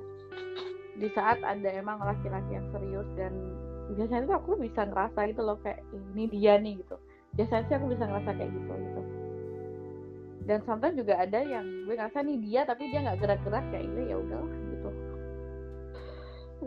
ya gitulah kayak sih karena gue tadi bilang sifat gue tuh cukup gengsi gitu loh. Ya ngapain juga padahal ibu aku tuh udah bilang kayak nggak apa-apa tak kamu tuh bilang duluan gitu. Kayak Siti Khadijah ya nggak mau aku nggak mau kayak gitu gitu. Kocak sih. Gitu. Mungkin in Asia, Asia culture ya. Indonesia culture. Asia culture bagi culture gue cowok yang bilang duluan. Ya kali gue gue yang bilang duluan. Tapi paling enggak gue tahu gitu dia gimana dia serius apa enggak kalau serius ya yuk kita jalanin gitu. Oke. gitu deh. Tapi emang nggak ada nggak ada salahnya juga sih kalau menurut gue untuk lu bisa bukan menyatakan sih tapi setidaknya memberikan kepastian. Bukan. menanyakan kepastian. Menanyakan kepastian iya itu itu penting loh itu penting loh. Jangan jangan jangan pada akhirnya semua hal diserahkan kepada uh, si pria gitu. Karena karena Hmm. karena kasihan lu nya juga sih kalau menurut gua. Gitu. Tapi nggak ada yang deketin masalahnya Oh iya, itu sih PR-nya. siapa? Ya udah itu pairing sih. Ya itu sementara berarti sejauh ini adalah nyari nyari nyari prianya dulu ya? Ya jangan nyari dong. Eh, Oh, ya udah cewek menung- nyari. menunggu. Loh kenapa? Kenapa kenapa kenapa kenapa lu nggak nggak nggak nyari gitu? Karena gue gengsi udah gitu minta tolong loh. Enggak loh gue ini nyari. Gue kayak minta tolong gue tuh sampai minta teman-teman gue kayak eh kamu ada cowok yang kayak gini ya yang tadi gue bilang kriterianya oke. Kayak mau dong ditaruhin gitu. Maksudnya kalau emang dia mau ya yuk kita serius gitu. Oke. gini kalau misalkan ada pria yang tertarik sama lu prosesnya gimana? Prosesnya? Ini kayak prosesnya gampang. Jadi sebenarnya kalau misal ada laki-laki yang serius dan gue tuh sebenarnya nggak suka orang yang apa tuh kayak cowok yang ini ya kayak dia tuh sebenarnya mau serius tapi kayak bertele-tele gitu loh. Mungkin karena gue thinking ya dan gue tuh nggak suka banget cowok yang kayak gitu. Iya iya enggak enggak kalau kalau uh, kalau serius bilang kalau enggak ya udah gitu. Nah banyak tuh cowok-cowok tuh yang nggak tahu mungkin dia nggak tahu cara memulainya gimana hanya dia cukup bertele-tele gitu hanya ya bye gitu kan gue. Kalau itu tuh simple sih kalau memang dia serius ya bilang sama gue. Kalau misal dia nggak malu ngomong sama gue paling nggak ngomong ke teman-teman deket gue atau mungkin sama kakak gue kayak gitu. Nah kalau misal udah dia mau memang serius sama gue nanti gue minta murobi. Murobi itu bisa dari temennya dia dan biasanya sih kalau murobi itu aku orang yang orang deket sama aku. Atau kita sama-sama kenal. Murobinya tuh kayak penengah gitu jadinya. Dan biasanya gue maunya murobi tuh yang udah nikah. Karena kenapa? Kalau misal belum nikah nanti bisa baper salah satu pihak kayak gitu. Dan gue nggak mau merusak hal itu kayak gitu. Makanya gue pasti nyari murobi tuh yang nikah gitu. Biasanya pernah tuh ada suatu ketika tuh uh, murobi gue bilang eh jadi ada temennya murobi gue. Katanya bilang tak ada yang mau kenalan nih. Oh ya eh, itu bulan Agustus gitu last year iya bener Agustus last year jadi last year tuh pas pas bulan Agustus sih tiga orang itu langsung minta ke gue semua. Mungkin karena bapak gue lagi haji jadi doanya manjur kali ya. Tapi nggak ada yang lanjut. Jadi waktu itu tuh em, ada yang apa namanya ya minat gitu sama gue. Terus dia nyari murobi. Murobinya adik kelas gue. Dan secara langsung langsung dia kenal aku kenal kayak gitu. Terus habis itu ya udah kalau mau serius ini kayak gini-gini em, gue jadi kamu jadi murobinya ya aku bilang gitu. Intinya sebagai perantara gitu. Karena aku nggak mau kalau berinteraksi secara langsung telepon teleponan terus kemudian telepon teleponan nggak jelas ya maksudnya yang halnya nggak penting. Kalau kayak gini kan kita sharing ya terus kemudian juga misal tag lagi apa sayang? Kayak gitu kan. Iyo gitu kayak tapi tapi gitu-gitu kadang dibutuhkan Lid. iya at least at least at least untuk memberikan booster di pagi hari untuk menjalani hari itu dibutuhkan loh. Itu kalau sebagai pasangan maksudnya pasangan yang legal ya bahasanya Oh, gue legal. Le- legal secara agama.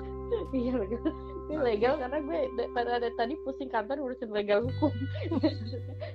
Legal secara hu- Islam ya ya nggak masalah itu malah wajib gitu. Tapi kalau emang ngasih pendekatan ngapain juga? Nggak perlu dibangunin juga gitu. Lagian biasanya dibangunin sama orang tua aku juga kayak gitu. Itu hal-hal yang nggak penting gitu loh maksudnya untuk sebelum menikah ya kayak gitu nah terus kemudian misalnya setelah murab itu aku langsung kenapa aku minta CV jadi karena aku mau ngasih langsung ke bapakku. Jadi aku bilang pak ini ada yang mau itu maksudnya ada yang mau serius ke aku. Jadi ini kenapa? Karena kan bapakku jauh sama aku ya. Dan nggak mungkin aku menjelaskan A sampai Z cerita mau deketinnya paling nggak bapak aku CV dulu di screening sama bapak aku Habis itu aku baru bapak aku aku bahasanya aku follow up lagi kayak ini orangnya kayak gini kayak gini udah pernah ketemu gini gini gini gini sama bapak mau apa setuju apa enggak. Kalau misalnya setuju ya biasanya dia aku minta ke rumah kayak gitu. Dan tapi belum ada sih yang ke rumah belum sampai ke situ levelnya. Sampai screening CV udah fail fail fail. Dari datang ke rumah tuh apalagi prosesnya?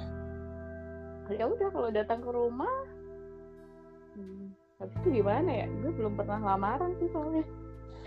Mentok men- men- mentok di screening CV ya? Selama ini gue mentok di screening CV soalnya waktu udah mau ke rumah sama ibu gue ditolak kan.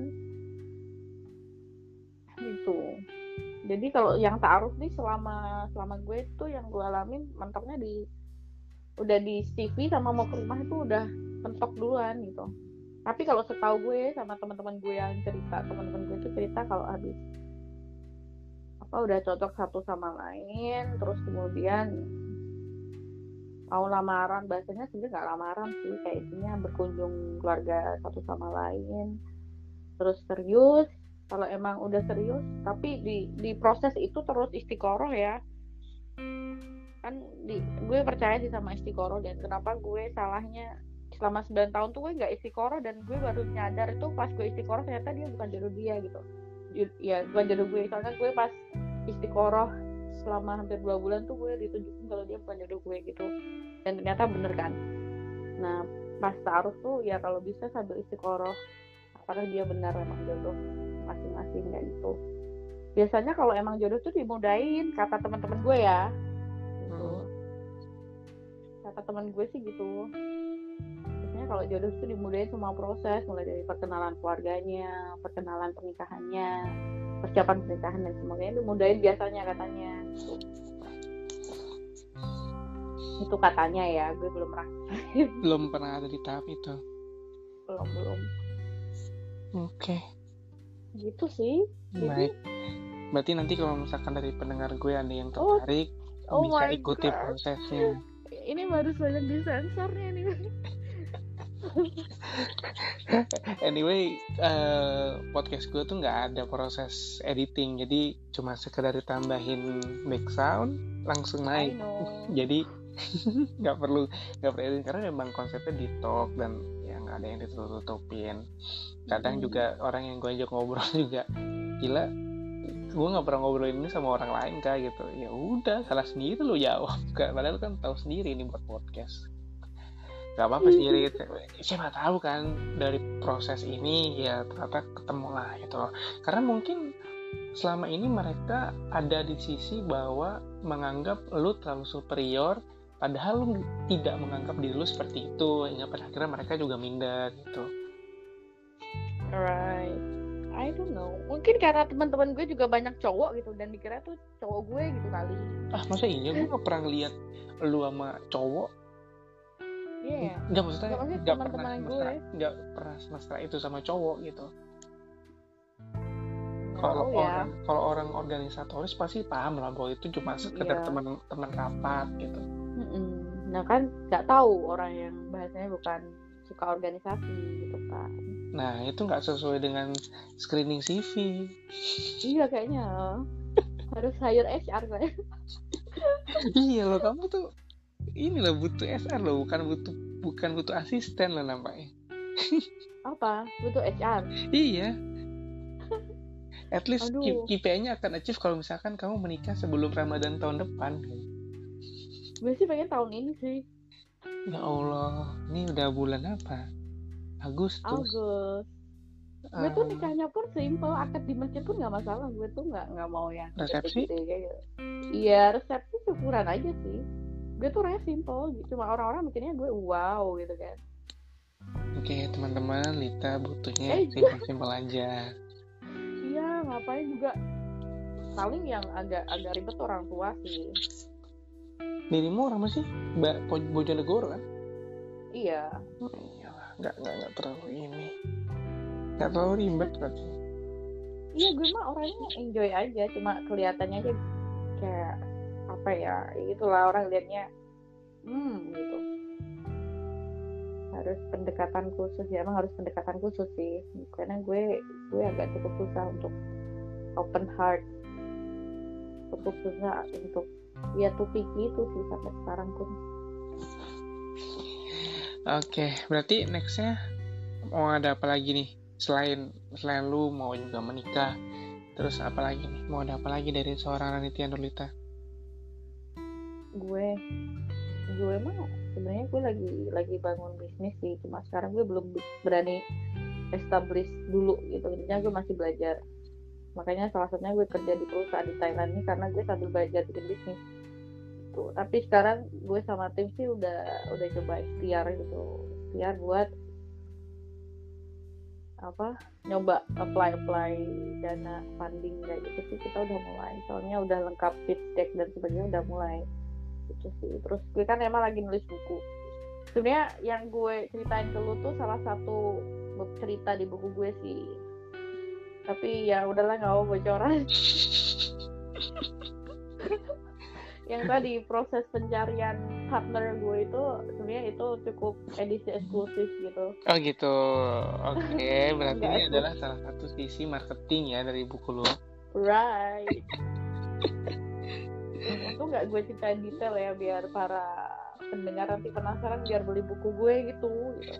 Nggak tapi kayak yang denger juga penasarannya caranya sih how to propose you gitu bukan bukan bukan proses yang lama. Kemarin tuh gimana? Kayaknya sih sih penasaran bisa apa gimana sih? Iya ngapain ngapain kami kepo dengan masa lalu seseorang yang kami nggak peduli gitu loh mendingan tahu oh ternyata untuk untuk untuk apa ya meminang seorang Ranita Nurlita yang wow. eh, yang dianggap superior gitu kan. Wanita tangguh dia ada di di, di setiap badan organisasi kenegaraan dan sosial kemasyarakatan. Nah, itu seperti ini tuh gitu. sebenarnya ini not only my problem sih anyway. Almost cewek-cewek model kayak gue maksudnya kayak iya iya iya. Iya ya gue gue sadar gue betul gue makanya- ngerasa sih gue ngerasa Betul, sih anyway. Iya. gue ngerasa. Dan mungkin beberapa hal hal yang dia aku alami itu kebanyakan hampir hampir kayak gitu juga. Jadi mereka berpikir bahwa nih cewek superior dan dia nggak tahu cara pendekatannya kayak gimana. Iya. Gitu. Karena nggak tahu ya semakin mungkin kalau gue sih ngerasa ini Indonesian people sih. Soalnya gue pernah taruh juga sama bule soalnya. Terus? Sama sama dia bilang what? What is gitu what is CV buat ngapain juga? Gitu. Dia bilang sampai ya gitu lah. Dia gue baru tahu di Indonesia tuh ada model kayak gini. Aduh gue pengen ketawa sih itu tuh. gitu. Tapi ya emang ini ya treatmentnya beda ya. Hmm. kalau orang Indonesia kan laki-laki Indonesia gue sih ngerasa ya banyak yang dia harus lebih gitu. Padahal dengan misal ceweknya lebih terus cowoknya hampir sama atau mungkin cowoknya lebih lagi gitu kan bisa melengkapi satu sama lain kan kayak gitu. Cuma ya mungkin udah habitnya kayak gitu bahwa laki-laki adalah ya emang laki-laki adalah imam ya gitu. Tapi gue gue pribadi dan mungkin para wanita-wanita yang tipe kayak gue tuh kita bukan tipe yang disuruh nggak mau itu nggak kayak gitu gitu. Kita intinya kan banyak orang yang berpikir bahwa dengan kesibukan aku kayak gini dengan kesibukan perempuan-perempuan yang model kayak aku tuh kayak gini gimana dia berumah tangga maksudnya berumah tangga ya masaknya nyucinya kehidupan rumah tangga mengurus suami mengurus nanti kalau udah punya anak jadi pasti dia laki-laki tuh berpikir ini gimana ya? Ini mungkin bocoran aja buat laki-laki yang masih berpikir kayak gitu sih ya. gitu. Mungkin ya uh, gue sih ngerasa uh, gue juga pernah baca beberapa artikel bahwa Mbak Nita kan diciptakan, di, diciptakan diciptakan multitasking ya. Maksudnya bisa melakukan banyak hal dalam satu waktu bahasanya kayak gitu gue banyak mendengar itu dan gue banyak membaca artikel soal itu. Dan itu bisa dibilang salah satu kelebihan perempuan karena dengan tipe-tipe cewek yang model kayak gue yang aktif di luar kita pun sebagai perempuan itu tahu kewajiban kita di rumah itu seperti apa kayak gitu.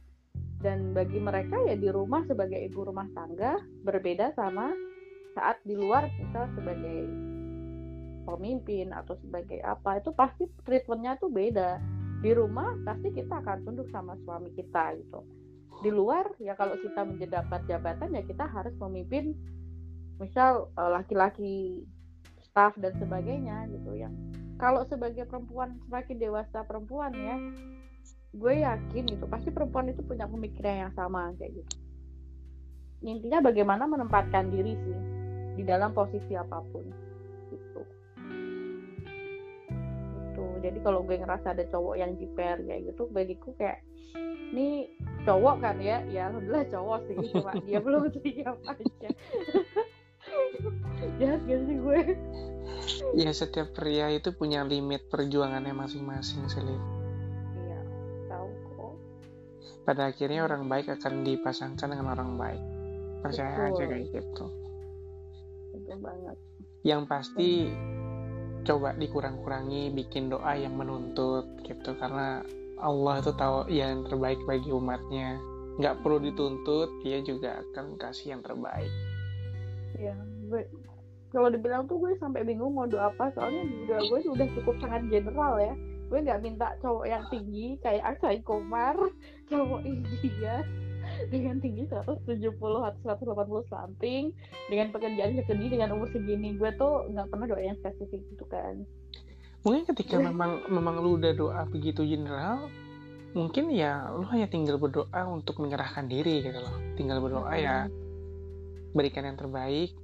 Hamba percaya sama dirimu untuk memberikan yang terbaik. Udah gitu doang gitu loh karena iya selama ini gue gitu. Mau apa lagi tuh, gitu? tuh general gitu loh paling ya.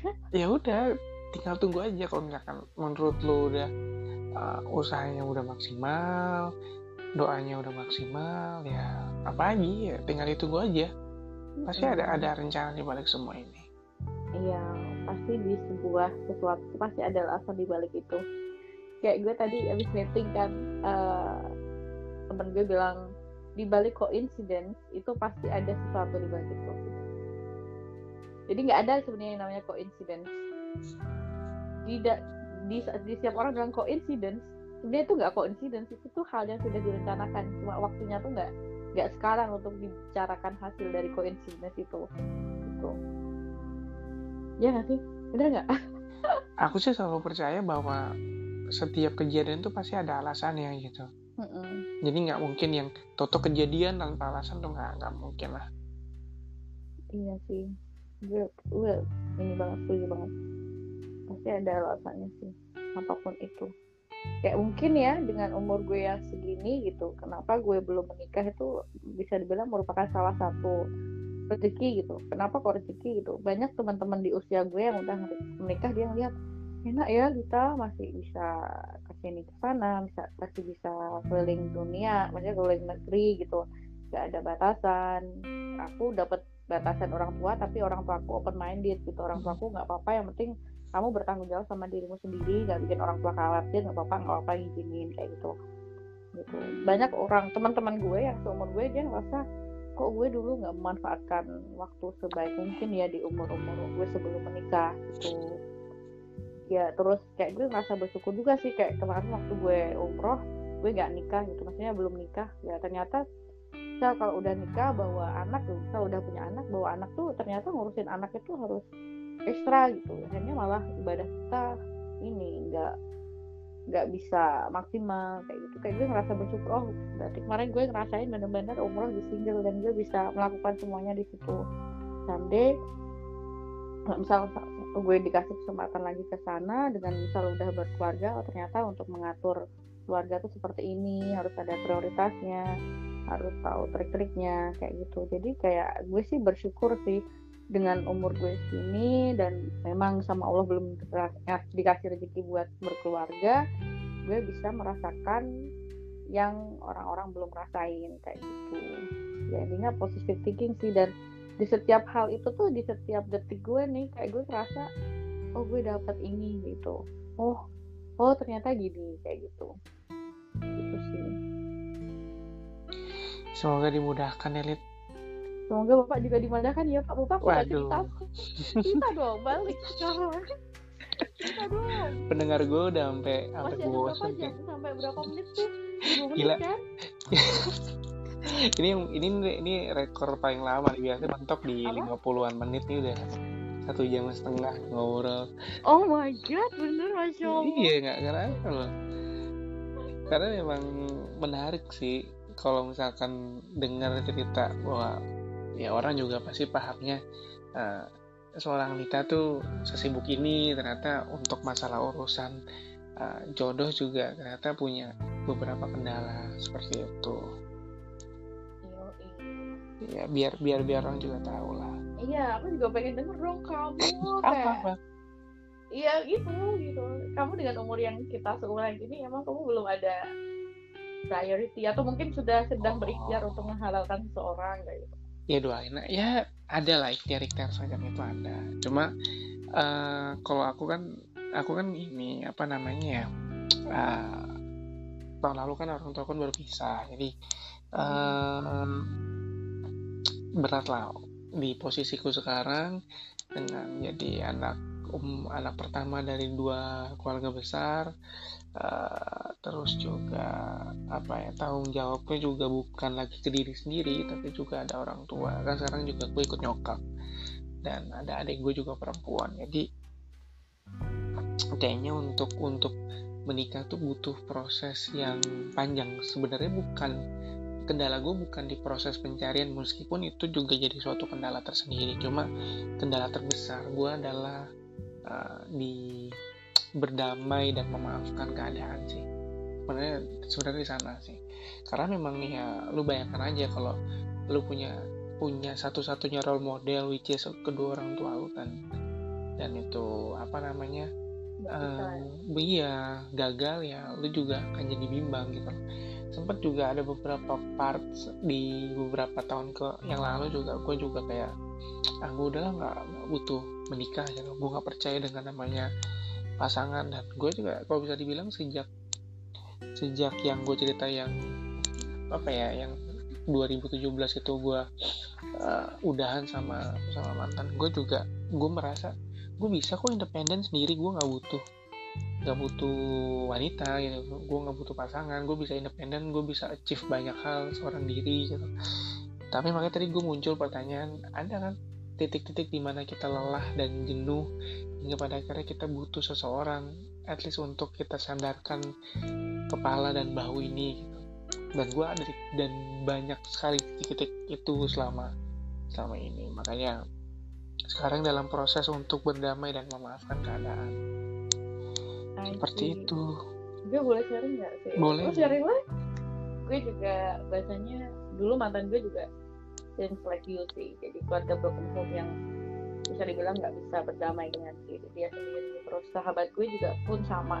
Jadi kalau bisa dikatakan gue gue pernah ber bahasa berteman ya berteman atau deket sama seseorang yang model-model seperti itu dan sebenarnya itu semuanya dibalikin lagi ke positif diri masing-masing sih. Kayak yang sahabat gue eh, cukup dibilang malah nggak bercerai, malah kayak bapaknya tuh suka biasanya kekerasan ya, kekerasan ke ibunya gitu. Sampai dia itu nggak boleh pulang ke rumah, dia anak pertama juga. Dan dia masalahnya umurnya tuh dia baru 19 tahun. Pas gue kenal dia tuh umur dia 19 tahun. Sekarang dia udah 20 tahun dia umurnya dengan umur 19 tahun waktu itu. Bapak bapaknya dia itu mau apa ngerasin ibunya kayak di apa sih kayak di apa sih kayak gitu kekerasan rumah tangga itulah pokoknya. Hmm, kekerasan fisik lah. ya kekerasan fisik kayak gitu di depan hadapan dia dan adik-adiknya. Secara dia punya dua adik. Terus sampai dia bilang ibu jangan diginiin lagi gitu Kalau dia bilang. Aku pun waktu diceritain dia tuh aku sampai nangis gitu loh. Ya sumpah kamu dengan umur segini kamu merasakan hal yang aku nggak mau melakukan eh, merasakan hal seperti ini kan. Dia di umur 19 tahun merasakan melihat ibunya sendiri diusir melihat ibunya sendiri dicibir sama bapaknya kayak gitu. Sampai bapaknya dia tuh selingkuh dan sebagainya di hadapan ibu dia kayak gitu. How you feel gitu kayak gimana rasa anak laki-laki lihat ibunya digituin padahal ibunya ngelayanin dia dia sayang banget sama ibunya. Terus dia bilang kayak tak aku tuh pengen bawa pergi gua sekarang gitu. Ya terus aku bilang ya kamu kan baru lulus SMA gitu. Ya nggak semudah itu gitu. Terus alhamdulillah tuh sekarang dia tuh bisa dibilang dia bisa bisa bisa dibilang memiliki suatu jabatan tinggi di startup startup di negeri dia. Dan dia foreigner. Jadi dia bisa punya jabatan tinggi di perusahaan terus dia dapat kepercayaan sangat tinggi kayak di bawah CEO gitu untuk eh, apa bikin cabang di negara lain gitu. Kayak bagiku um, gue ngerasa bahwa di umur dia yang masih muda banget gitu kan dia tuh merasakan hal yang semua orang tuh sebenarnya nggak mau. Terutama bagaimana untuk berdamai dengan diri sendiri dan bagaimana untuk tidak eh bagaimana untuk tidak memulai atau sebenarnya dia tuh masih benci banget lah sama bapaknya dia gitu sampai dia tuh nggak pulang itu udah berapa tahun ya dia tidurnya di paman dia gitu. Sampai kayak gitu gitu. Sampai ibunya tuh dibawa pergi sama dia karena dia dia rasa sedih gitu bukan sedih sih sakit hati waktu ibunya itu di, dikasih kekerasan fisik sama bapaknya. Tapi yang aku petik dari dia adalah dengan model dia yang kayak gitu dia tetap bisa menunjukkan bahwa ya aku tahu dia itu pasti dia di, di saat kondisi itu kan dia namanya masih bocah ya. Dia pasti mengalami hal yang sangat terpukul banget. Apalagi adik-adiknya masih dua orang yang kecil-kecil itu. Tapi dari sisi dia rasa bahwa aku harus settle. Aku harus berjuang untuk gimana biar menghidupi ibu aku biar gimana biar ibu aku nggak hidup sama bapak aku lagi kayak gitu. Dan sampai sekarang dengan posisi dia seperti ini gitu. Dan aku ber, uh, bisa dibilang ngerasa uh, aku cukup ber, bisa bersyukur gitu. Menjadi teman cerita dia bahwa paling nggak aku hanya bisa men, bisa kayak gak apa kamu cerita aja. Aku bilang gitu udah terserah kamu cerita apa apa sampai lu cerita gue yang pagi pun gue nggak masalah. Kayak gitu kan. Dan dari situ uh, kita bisa dibilang dan dari hal-hal yang kayak gitu tuh kita bisa saling terbuka dan paling nggak tuh dengan adanya teman percaya dan bicara gitu. Dan dia bilang tak you are the only one yang tahu kisah hidup gue kayak gini. Terus dia bilang gila lu tak gitu. Gue digilain sama dia karena kan gue kan emang suka denger cerita orang gitu dan gue ya mencoba untuk advice sebijak mungkin ya.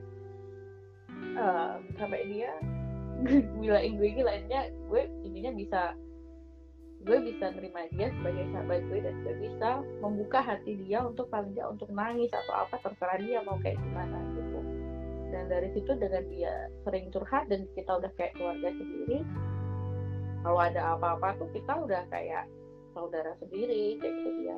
Dikit-dikit kasih kabar tak gue sekarang misal lagi di Malaysia kayak gitu. Yuk kita main kayak gitu. Dan dengan hal-hal yang kayak gitu tuh paling gak tuh bisa ngikut dia kayak gitu. Yang pertama itu yang sahabat gue. Terus yang mantan gue kan dia juga dari keluarga broken home itu malah ceritanya. Moga-moga sama dia nggak didengerin dia di sini. Moga-moga nggak sih dia kan udah berkeluarga semoga, gue semoga. kayak dia cukup complicated sih malah. Soalnya dia baru tahu pas keluarga dia kan keluarganya cerai itu pas dia SMA dia baru tahu kalau ternyata tuh dia bukan anak kedua orang tuanya dia. Kayak film-film sinetron itulah Hmm. jadi kayak orang tuanya cerai apa aku bukan anak kamu ternyata gitu. Jadi dia tuh jadi tuh dia nggak tahu keluarganya siapa dan polisi ditulis itu ternyata dia anaknya tante dia kayak gitu. Kan? Oh, oh. terus ternyata akhirnya dia struggling sama kehidupan dia semua kerjaan sama dia dilakuin gitu. Dan emang uh, orang aku nggak tahu ya ini in my perception ya karena gue udah ngalamin bahasanya udah bertemu dengan orang yang seperti seperti ini tuh udah udah dua kali kan. Walaupun dua kali kan nggak banyak sih. Tapi paling nggak gue udah pernah mengalami apalagi sama mantan gue 9 tahun ya dengan modelnya kayak gitu. Sebenarnya uh, tipe-tipe orang model kamu kalau kamu kan berarti baru ya atau kayak gimana? Apanya nih baru? maksudnya maksudnya dengan keluarga yang seperti itu baru beberapa tahun ini ya kan 17 kan ya? 17 apanya 17 yang ini yang tadi keluarga kamu ini. Oh jadi memang prosesnya sih udah udah dari lama sih memang kok. Masalah ribut-ributnya tuh dari dari aku jam masih kuliah udah. Cuma memang puncaknya sih Ramadan tahun lalu gitu. Jadi so far udah aku udah setahun lebih udah gak ketemu sama ayahku juga Aisyah isi ya ya gitu lah kalau gue kan udah 9 tahun tuh sama ngadepin yang kayak gitu jadi intinya semuanya butuh waktu sih dan itu hal yang wajar kalau kamu bilang aku butuh waktu butuh rasanya yeah. untuk berdamai kayak ya, gitu. dan, itu sangat wajar sih. dan makanya aku sembari menunggu waktu itu juga uh, inginku berproses bersama dengan dia gitu. siapa pun dia siapa tuh ya kepo deh kamu. Apa perlu iya aku dong. apa perlu aku bikin CV dulu nanti? Iya bikin CV aja. Gitu jadi mau taruh sama siapa nih pak? Aku kayaknya nggak ada dalam tahap posisi taruh aku paling nggak bisa. Eh, nggak uh, tahu sih karena uh, beberapa bulan terakhir aku selalu curhat sama sahabatku. Bahwa aduh gimana nih gue posisinya emang lagi nggak nyaman. Dan emang nyokap juga di rumah juga udah bukan kode lagi sih memang udah udah iya, udah nanya udah nanya. Seumuran lu. Kita iya gitu. nah, makanya tem temen gue juga bilangnya ya santai sih kan maksudnya lu masih 27 gitu. Maksudnya uh, iya nggak usah buru-buru. Ya I know gue 27 cuma pada masalahnya gue tuh kan tipe orang yang bisa cocok dalam waktu sebulan dua bulan gitu loh. Karena memang gue ngelihat yang udah-udah ya hubungan gue setelah yang udah-udah ya tiga tahun ke atas dan di atas tiga tahun lah baru baru bisa ngomong yakin bahwa yaudah sis the one dan ayo kita kalau mau ngomongin hal yang lebih serius gitu loh. Makanya kalau dilihat bahwa kalau misalkan gue mau nikah di umur 30 at least gue harus mulai dari sekarang gitu. Kalau memang untuk pendekatan gitu kalau kalau kalau untuk untuk sekarang sih bener-bener kayak kalau ada yang deket dan memang sekiranya cocok gue langsung bawa ke nyokap sih pasti. Ya dia adalah tembok pertama. Kalau nyokap oke okay, udahlah ajar ya. Lanjutin aja. Tapi kalau misalkan enggak ya udah. Mohon maaf. Tapi emang capek sih kenal orang baru. Kayak gue capek banget sih. Betul betul ibu. sampai sampai gue sampai sekarang tuh kayak kayak udah gue di tahap yang tadi gue bilang kayak ya ya gue ikhtiar tapi kayak gue lebih pasrah aja lah biar biar gue si Allah aja karena mengenal orang baru tuh sangat capek banget. Di saat gue kan tidak hanya mengandalkan bahasanya murobi gue ya. Gue tuh mengandalkan sosial media gue mengandalkan orang otak orang-orang mutual friend tuh gue tanyain semuanya orang ini gimana? Kamu pernah kenal sama dia apa enggak? Gue tuh kayak bisa dibilang agen agen agen ini ya F, apa FBI ya. Hmm. FBI karena tuh gue nggak nggak hanya ngandelin Murobi pasti gue tuh cek sosial media dia terus gue cukup tricky dan hanya gue kepo Facebooknya dia. Kalau nggak punya Facebook gue tanya murobinya kenal sama siapa aja gitu. Kalau Facebook biasanya sometimes mutual friend. Mutual friend gue PMin satu-satu tanya si orang kayak gimana nih? Kayak gitu sedih itu gue. Jadinya ya emang gue tuh pikir dan untuk menjadi intelijen tuh sangat capek sih gitu. Hmm. soalnya pernikahan kan gak hanya satu dua hari ya tapi kan ibadah paling lama. Dan gue pastinya kayak nggak mau salah memilih kayak gitu sih. Ya makanya sih. Karena ya. Ya mungkin juga gue tidak menyempurnakan separuh dari agama gue kan semua anak-anak di usia kita sih anak-anak muda itu pasti mengalami hal yang sama. Udah udah level quarter life crisis yeah. itu udah udah jauh lah ya. Yeah. semoga pasar semoga pasar podcast gue adalah anak-anak sumuran kita gitu. Hmm, iya nggak ya? Katanya di bawah kita deh. I'm serious. Nggak karena memang sejak gue kemarin rilis dua dua podcast sebelumnya yang satu soal kehidupan soal menikah yang satu lagi soal seorang teman yang pada akhirnya dia yakin gitu. Karena dia tipe-tipe kayak lo nih kayak uh, taruh lah gitu yakin segitu cepat prosesnya seperti apa. Terus kayak beberapa teman ya respon via Instagram atau WhatsApp kayak kenapa sih kak harus harus ngebahas ini? Gitu. Karena harus kena ngebahas soal pernikahan ya karena itu yang paling relate soal sama gue dan kita. Lu relate nggak ya iya relate sih. Kalau nggak relate juga nggak gue ngomongin lu ya udah gitu loh. Ya itu yang pada akhirnya. Dan kalau gue tuh ini apa ya kalau bisa dibilang eh, bertentangan dengan pemikiran orang untuk menikah muda. Gitu kayak kalau misalkan banyak teman-teman gue kayak gue juga sih. Nikah muda nikah muda. Gue nggak sebenarnya nikah muda nggak apa-apa. Gue lebih lebih cenderung bahwa uh, menikah di waktu yang tepat gitu loh. Kalau right. waktu tepat lu ya muda ya nggak apa-apa. Tapi jangan dipaksa bahwa harus nikah muda kenapa? Biar nanti umur lu dengan anak nggak terlalu jauh gitu. Yeah. itu nggak make sense sih menurut gue karena menikah tuh bukan cuma urusan urusan anak dan uh, sesuatu hal yang tidak bisa dihitung dengan matematika gitu.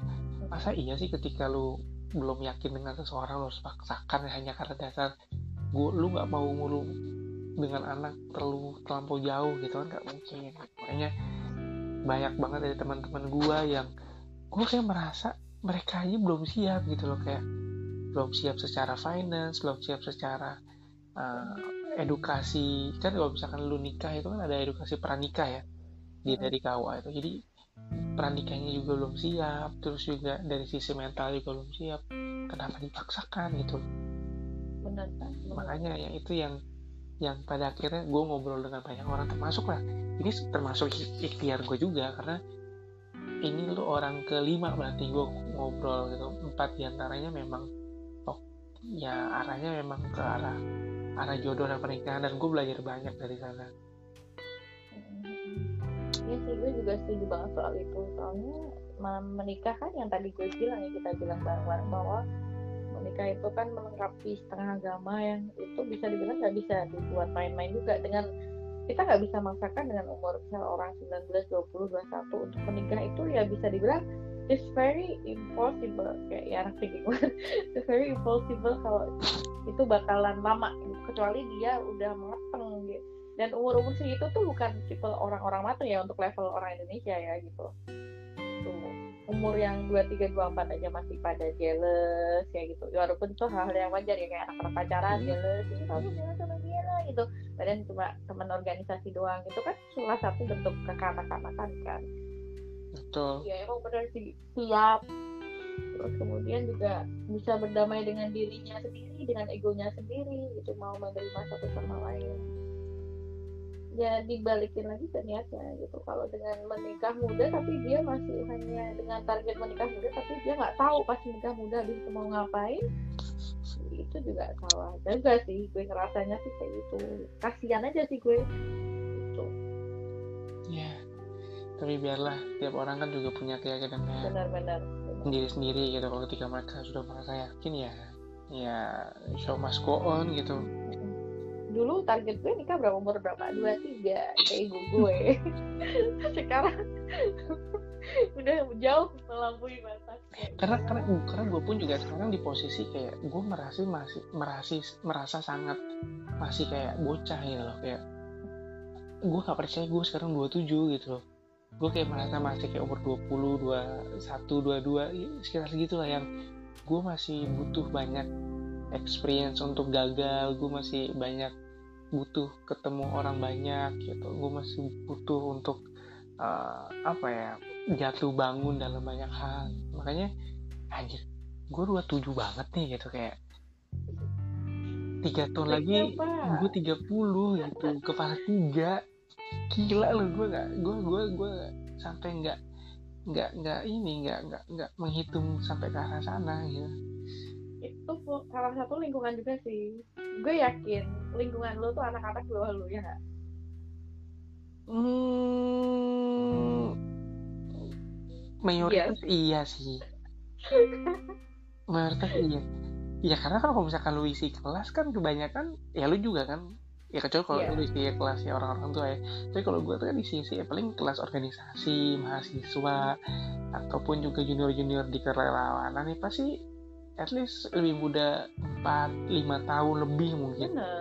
Nggak kerasa. Aku pun merasa kayak gitu. Makanya aku dengan umur yang kayak gini home fine fine aja. Karena yang sahabat-sahabat gue maksudnya teman curhat gue kebanyakan masih bocah-bocah gitu. Maksudnya yang baru fresh grad gitu.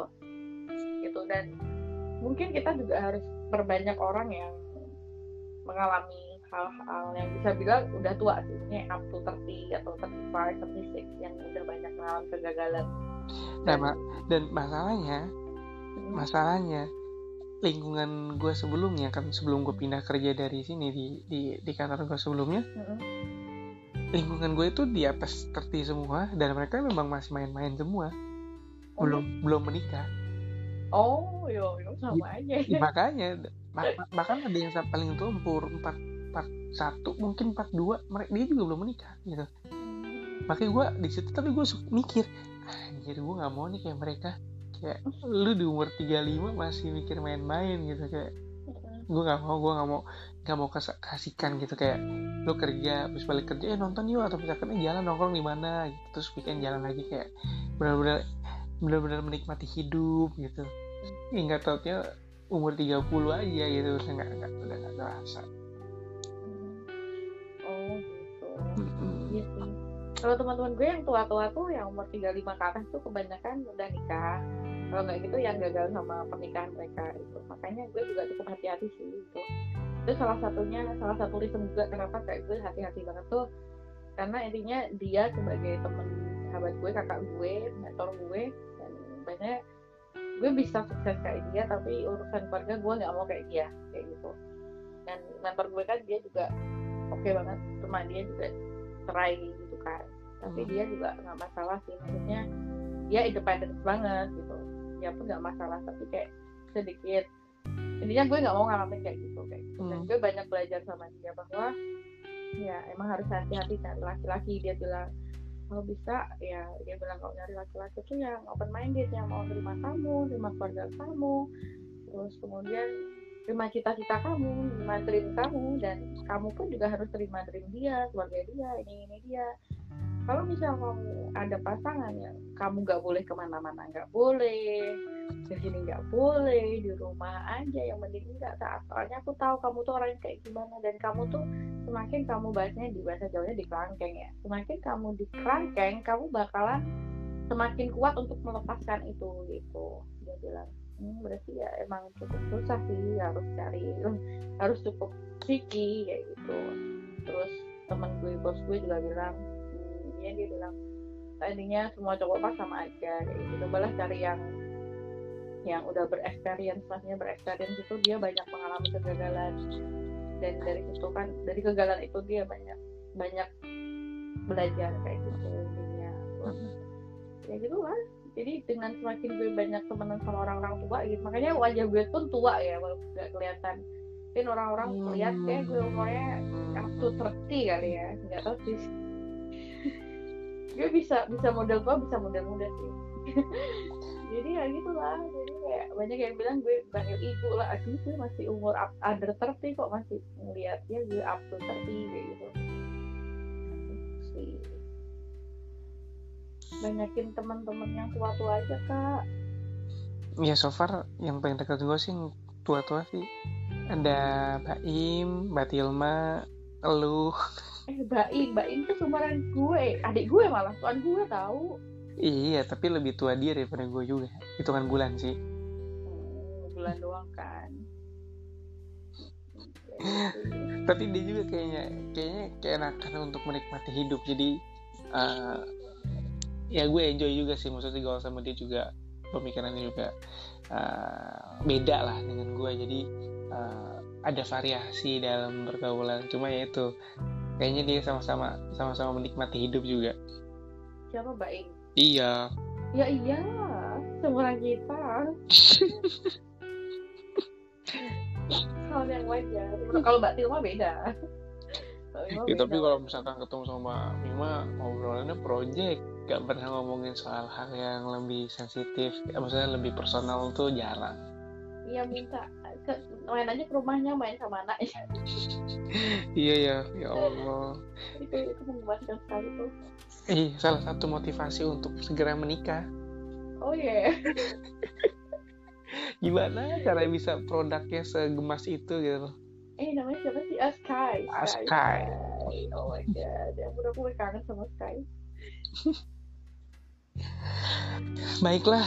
Udah. Sudah. aduh gue gue sebenarnya pengen, banyak disensor sih tapi coba em serius gak apa-apa lihat siapa tahu dari sini malah muncul peluang-peluang baru gitu. Cuma emang pesan gue itu sih coba untuk lebih membuka diri coba untuk memaafkan diri sendiri dan keadaan. Insya Allah Allah tahu yang terbaik untuk kita semua.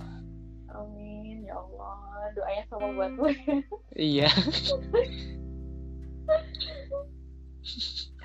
ya sudah deh sudah tengah malam. Ini sudah almost dua jam nih kita ngobrol. Oh my god.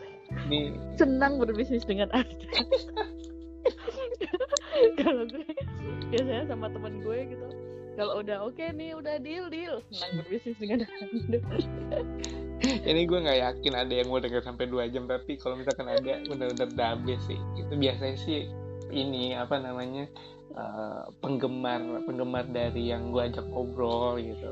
I think so itu, itu tuh biasanya akan dengerin dengan setia gitu. Karena gue udah nggak punya masa jadi pendengar gue yang punya masa.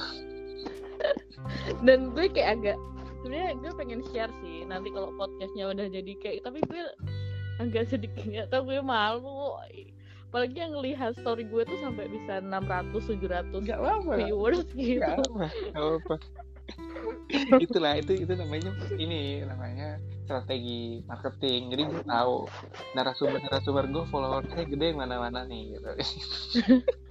Dan pertanyaannya pertanyaan cukup krusial sih. Dan not everyone knows about this gitu nah itu masalahnya. mau gak mau gue harus show di public that is me.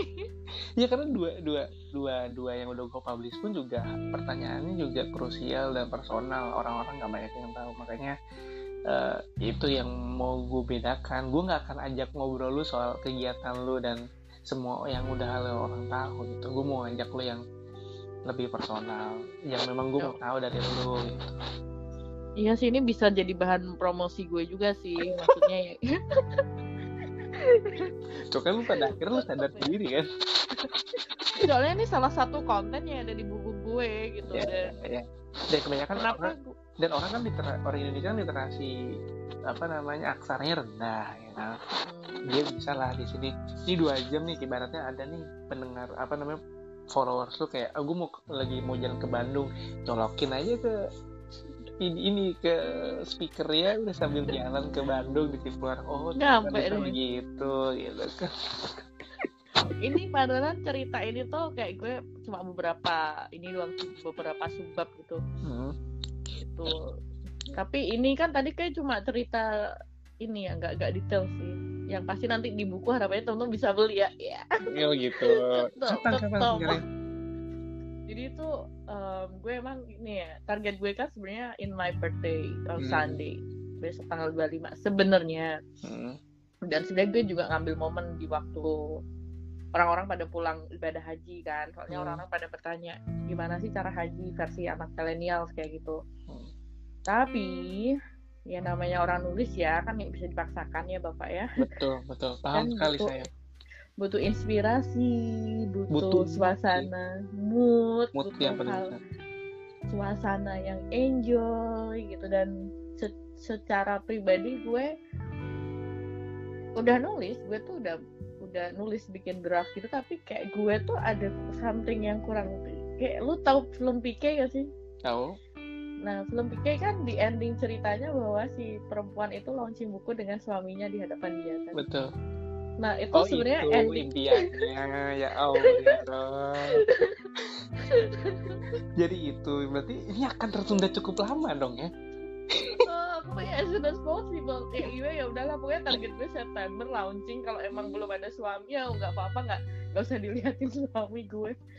Itu jadi sebenarnya salah satu buku itu selain ceritain kayak gimana biar jadi haji milenial tuh gimana agar kamu itu mendapatkan jodohmu gitu. Tapi secara nggak langsung gue belum dapet jodoh-jodoh gitu. Padahal gue tuh mau kayak film-film PK gitu bahwa si ceweknya launching buku suaminya di depan liatin launching gitu. Eh ternyata emang belum ada dan gue balik lagi ke niat gue di awal. Gue gak bisa maksa gitu. Apalagi kemarin gue sempat maksa dan gue cukup ada beberapa kendala dan sekarang pun ya udah gitu. Kalau walaupun nanti endingnya masih gantung ya ya nggak apa-apa. Gitu. Semoga September ya bu ya. Bulan depan loh. Bulan depan. Iya. Nggak bulan depan. Berapa hari lagi? Seminggu lagi kali iya dua minggu sih. Kalau itu benar-benar terjadi saya akan jadi orang pertama yang lari ke pelaminan anda lalu berteriak Lolita selamat ya penantian dua minggu ini akhirnya tercapai juga. I think it's literally impossible. Ya anak thinking ya. Ya ya itulah. nggak apa-apa lah. Nggak uh, nothing is impossible kalau buat buat Allah sih. Iya. Ya cuma ya itu namanya manusia pasti dia selalu berpikir nalar sebagainya ya kadang kadang kadang kadang kehendak dia tuh di luar nalar kita sih. Mm-mm. setuju banget baiklah ini kalau karena gitu gue suruh gue suka nonton film sih. Gue tuh kayak ber kayak di film-film gitu. Aduh dikurang-kurangin deh dengan nonton-nonton drama-drama Indianya itu dikurang-kurangin. Gue suka banget sama orang India soalnya. Oke kayak gue aja nikah pengen baju India. Bukan pakai sari ya kayak kayak kayak pengantin Pakistan gitu loh. Kayak ih Hmm. pasti lucu banget cantik. Didengarkan Seperti ya ngalor pendengar. lagi. jadi ini adalah impian dari panitia jadi mulai mulailah menabung. Nggak menabung sih bersiap untuk menerima culture gue yang oke. Indo Bollywood. Oh bersiaplah untuk menyiapkan CV CV pekerjaan nanti dikirim di email gue lita@energaya.com I- itu email kantor gue nih Toto yang masuk CV CV untuk jodoh loh. Oh jangan itu email kantor. Ntar jangan-jangan masuk ke server kantor lagi. Dibaca sama IT gue. Gak apa-apa, siapa tahu kan orang-orang kantor juga butuh tahu informasi seperti ini. Hmm, dia untungnya nggak tahu bahasa Indonesia sih. Dia taunya bahasa Inggris. Jadi nggak bisa baca juga. Ya kalau misalkan CV-nya dari Inggris gimana? boleh dong berarti. Astagfirullahaladzim. ini semakin ngalor ngidul Baiklah ibu kita sudahi saja. Ya ini sudah benar-benar tapi, dua tapi kamu termasuk orang yang belum lama sih gue pernah telepon nggak jelas kayak gini sama teman gue tiga jam. Baik. Masalahnya ini kan untuk konten podcast ya, ibu ya. aku harap harapannya sih aku sebagai rekor terlama sih Oke, Ini- gue lama-lama ih. Ini nggak akan agak nggak akan ada lagi sih yang bakal percaya ini ini dua jam karena kemarin juga yang terakhir itu aku record sekitar 56 menit itu juga apa ya eh dianya juga udah udah udah udah dulu udah kah udah kah udah pertanyaannya udah gitu maksudnya Iya soalnya udah nikah gak enak sama suaminya pak. Ya itulah. Dan ya besok besok sih mau ada jadwal telepon lagi sih sama sama sama salah satu narasumber. Dia dia dia senior bukan senior sih. Ya kayak teman lama dia udah nik- nikah muda dulu nikah muda terus tahu lah pernah perjalanan rumah tangganya pernah goyah juga dan tapi bertahan hingga sekarang pengen tahu aja gimana sih mempertahankan rumah tangga yang orang-orang bilang tuh sulit gitu. Pengen tahu dari perspektif dia. Wow menarik. Itu itu udah udah bisa jadi paket kuliah pernikahan loh pak. Iya bisa. Memang ada rencana. Mulai dari persiapan ya persiapan dari gue.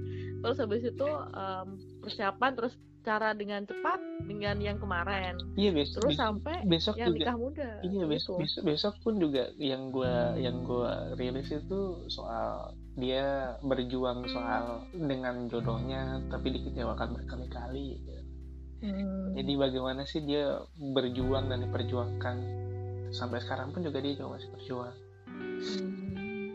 cuma ceritanya nggak semiris semiris lu sih emang gue miris ya nggak miris sih lebih ke complicated sih kalau menurut gue emang complicated dari mana gue merasa biasa aja eh, hmm, halo assalamualaikum Waalaikumsalam belum closing ya jadi nanti gue sambungin deh pada akhirnya Iya, saya ngedit berarti semoga ada yang beberapa disensor ya. Enggak, enggak.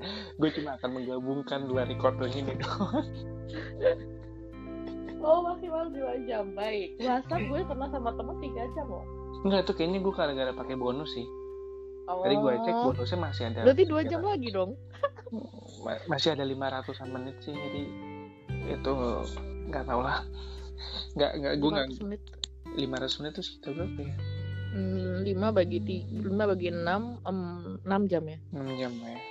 Tuh. Tapi kan masih Eh, iya banyak sih? narasumber lain nih Bu ya. Jadi Iya, mohon maaf, bener. iya maaf ya Pak ya. dia dihabis Menghabiskan kuota. nggak apa-apa karena memang sudah jadi kayaknya ah, bikin, bikin konten kayak gini tuh asik jadi kita tuh cuma nanya terus diem narasumber yang ngomong udah kita diem terus Emang enak. jadi sejam aja Makanya gue bikin podcast juga cuma gue kemarin belum beres karena gue sendirian terus. Jadi gue pengen nyari ini juga teman podcastan. Biar nggak habis gitu loh maksudnya. Eh, biar nggak kehilangan konten aja gitu. teman podcast atau teman hidup Aduh, kenapa tanya itu lagi? ya sudah ibu ya ya sudah tadi ini karena saya dalam cuma untuk closing jadi Eh, enggak, gue penasaran tadi Apa? apa, gue Apa? complicated tuh belum beres. oh cuma Kasihan para pendengar. enggak menurut gua menurut untuk circle gu- gue dan circle gue mungkin uh, proses seperti lu ini proses yang baru gitu kayak ngasih CV pakai Murobi dan uh, apa namanya menikah dalam waktu dekat itu kan cukup cukup hal yang baru gitu loh makanya mungkin menurut gua complicated kayak ribet banget sih kayak mau nikah dong mau kayak mau ngelamar kerjaan gitu loh ya, tapi kalau menurut menurut menurut lu sih pasti itu adalah hal yang memang harus dijalani gitu Iya dengan masa perkenalan yang singkat ya. Betul. Kan kenapa perlunya adanya CV kan biar kita yang nggak tahu kita bisa jadi tahu. Yang tadi Betul. gue kan tadi banyak ya yang gue listingnya sampai gue tuh apa loh pertanyaannya tuh. Itu tadi gue nggak ngepek ya. Gue nggak lihat catatan ya. Gue langsung apal di luar kepala loh. I'm serious. Kayak berarti udah cocok jadi konsultan taruh. Pekerjaan baru lagi.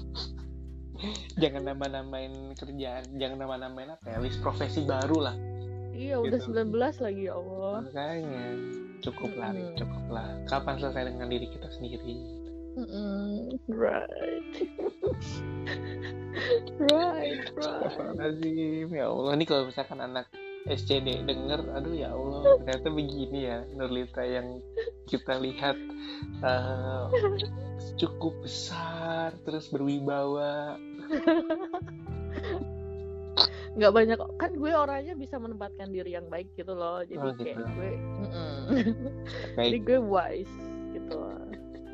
Ini gue gila juga sih. Gue orangnya gila banget cuma nggak karena gue ya tadi gue bilang bisa orang bisa em, apa namanya keluar dari border yang gue udah patokin berarti dia bisa dibilang udah teman dekat udah temen kayak gitu yang apa-apa udah cerita gitu dan itu jarang banget ini berarti teman-teman podcast gue secara nggak langsung podcast podcast lu udah jadi temen deket gue semua dong. Tapi nggak semuanya tahu sih masih banyak rahasia rahasia di belakang gue. Gitu ya. baiklah kok rahasia-rahasianya itu ada di buku ya? Ya of Ya. course. Makanya dibeli bukunya gitu. Iya di Instagram at hijrahaja.book gue kan orang marketing pak. Jadi emang harus harus selalu bermarketing sih. ya, harus memanfaatkan momen ya. Iya jadi semuanya harus dikaitin gitu. Baik Bu. baik. Kita speechless deh ngomong sama ibu bener. Tapi sudah lah sudah jam ya closingnya gimana nih closingnya? jam satu. Ya enggak maksudnya gue berterima kasih. Gue selalu berterima kasih dengan setiap orang yang gue berbincang karena gue belajar banyak hal dari dia gitu. Dan malam hari ini gue juga belajar banyak hal dari lu soal soal apa ya? Soal menemukan dan apa ya? Proses untuk kita bisa eh, apa menemukan seseorang yang memang ten- belum tentu kita tahu dia itu siapa gitu karena prosesnya yang cukup cukup apa ya? Cukup panjang cukup effort yang besar gitu. Makanya uh, sekarang gue belajar untuk tidak meremehkan sebuah proses di dalam di dalam sebuah kehidupan lah. Karena di luar sana ternyata ada seorang Ranitya Nurita yang berproses cukup besar untuk bisa menemukan pasangan hidupnya begitu dalam sekali ya bapak. Iya. Semoga semoga semoga pendengar gue tercerahkan lah. Amin ya Allah. Sama-sama. Terima kasih banyak telah mendengarkan curhatan gue. Dan terima kasih cara nggak langsung membedah buku gue. Astagfirullahaladzim ya Allah. Bedah buku bedah buku. Jadi eh, ba- bagi para pendengar em, podcastnya Raka jangan lupa beli. Nggak Nggak, apa-apa gue- promosi aja promosi aja. Nggak gue seneng sih. Intinya gue seneng bisa cerita gitu sama lu sama temen-temen. Dan kan gue cukup orangnya sangat tertutup cukup jaim sama orang. Jaim banget malah kayak bagi orang yang deket sama gue sama orang yang cukup biasa aja sama gue tuh pandangannya beda gitu. Kalau orang yang deket banget sama gue sahabat-sahabat gue kebetulan gue juga banyak teman deket kan. Mereka tuh udah Lita mah biasa aja Lita mah gila banget kayak gitu. Lita mau dimintain tolong kayak gimana pun mereka nggak masalah gitu karena dia udah tahu seluk beluk semuanya kayak gitu. Nah memang eh, satu hal yang membuka diri tuh bisa dibilang kan tiap orang beda-beda ya. Itu dan bukan oh seorang ekstrovert itu selalu menceritakan banyak hal. Pasti seorang ekstrovert pun dia punya hal-hal atau rahasia yang dia cukup dia yang keep aja gitu. Sama halnya dengan gue sebenarnya ya tadi gue bilang gue jaim gue gue er- intinya sih gue di sosmed tuh orang pengennya orang biar seneng aja lihat gue.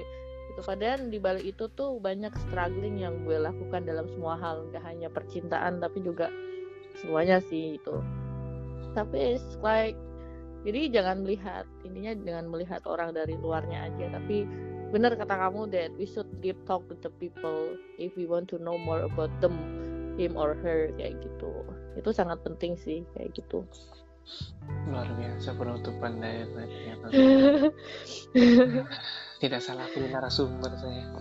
Enggak kan gue yang ini yang propose. Kan catat nomor HP eh tapi yang nyatu tuh banyak banget ya. Bener-bener segitu banyak ya kayak berapa? Ini banyak banget itu yang yang bener-bener kayak minta di telepon kayak gue bingung cuma tadi kan cuma memang cuma buat konten kayak ya udah pengen ngobrol terus direkam jadi konten cuma sebenarnya konten.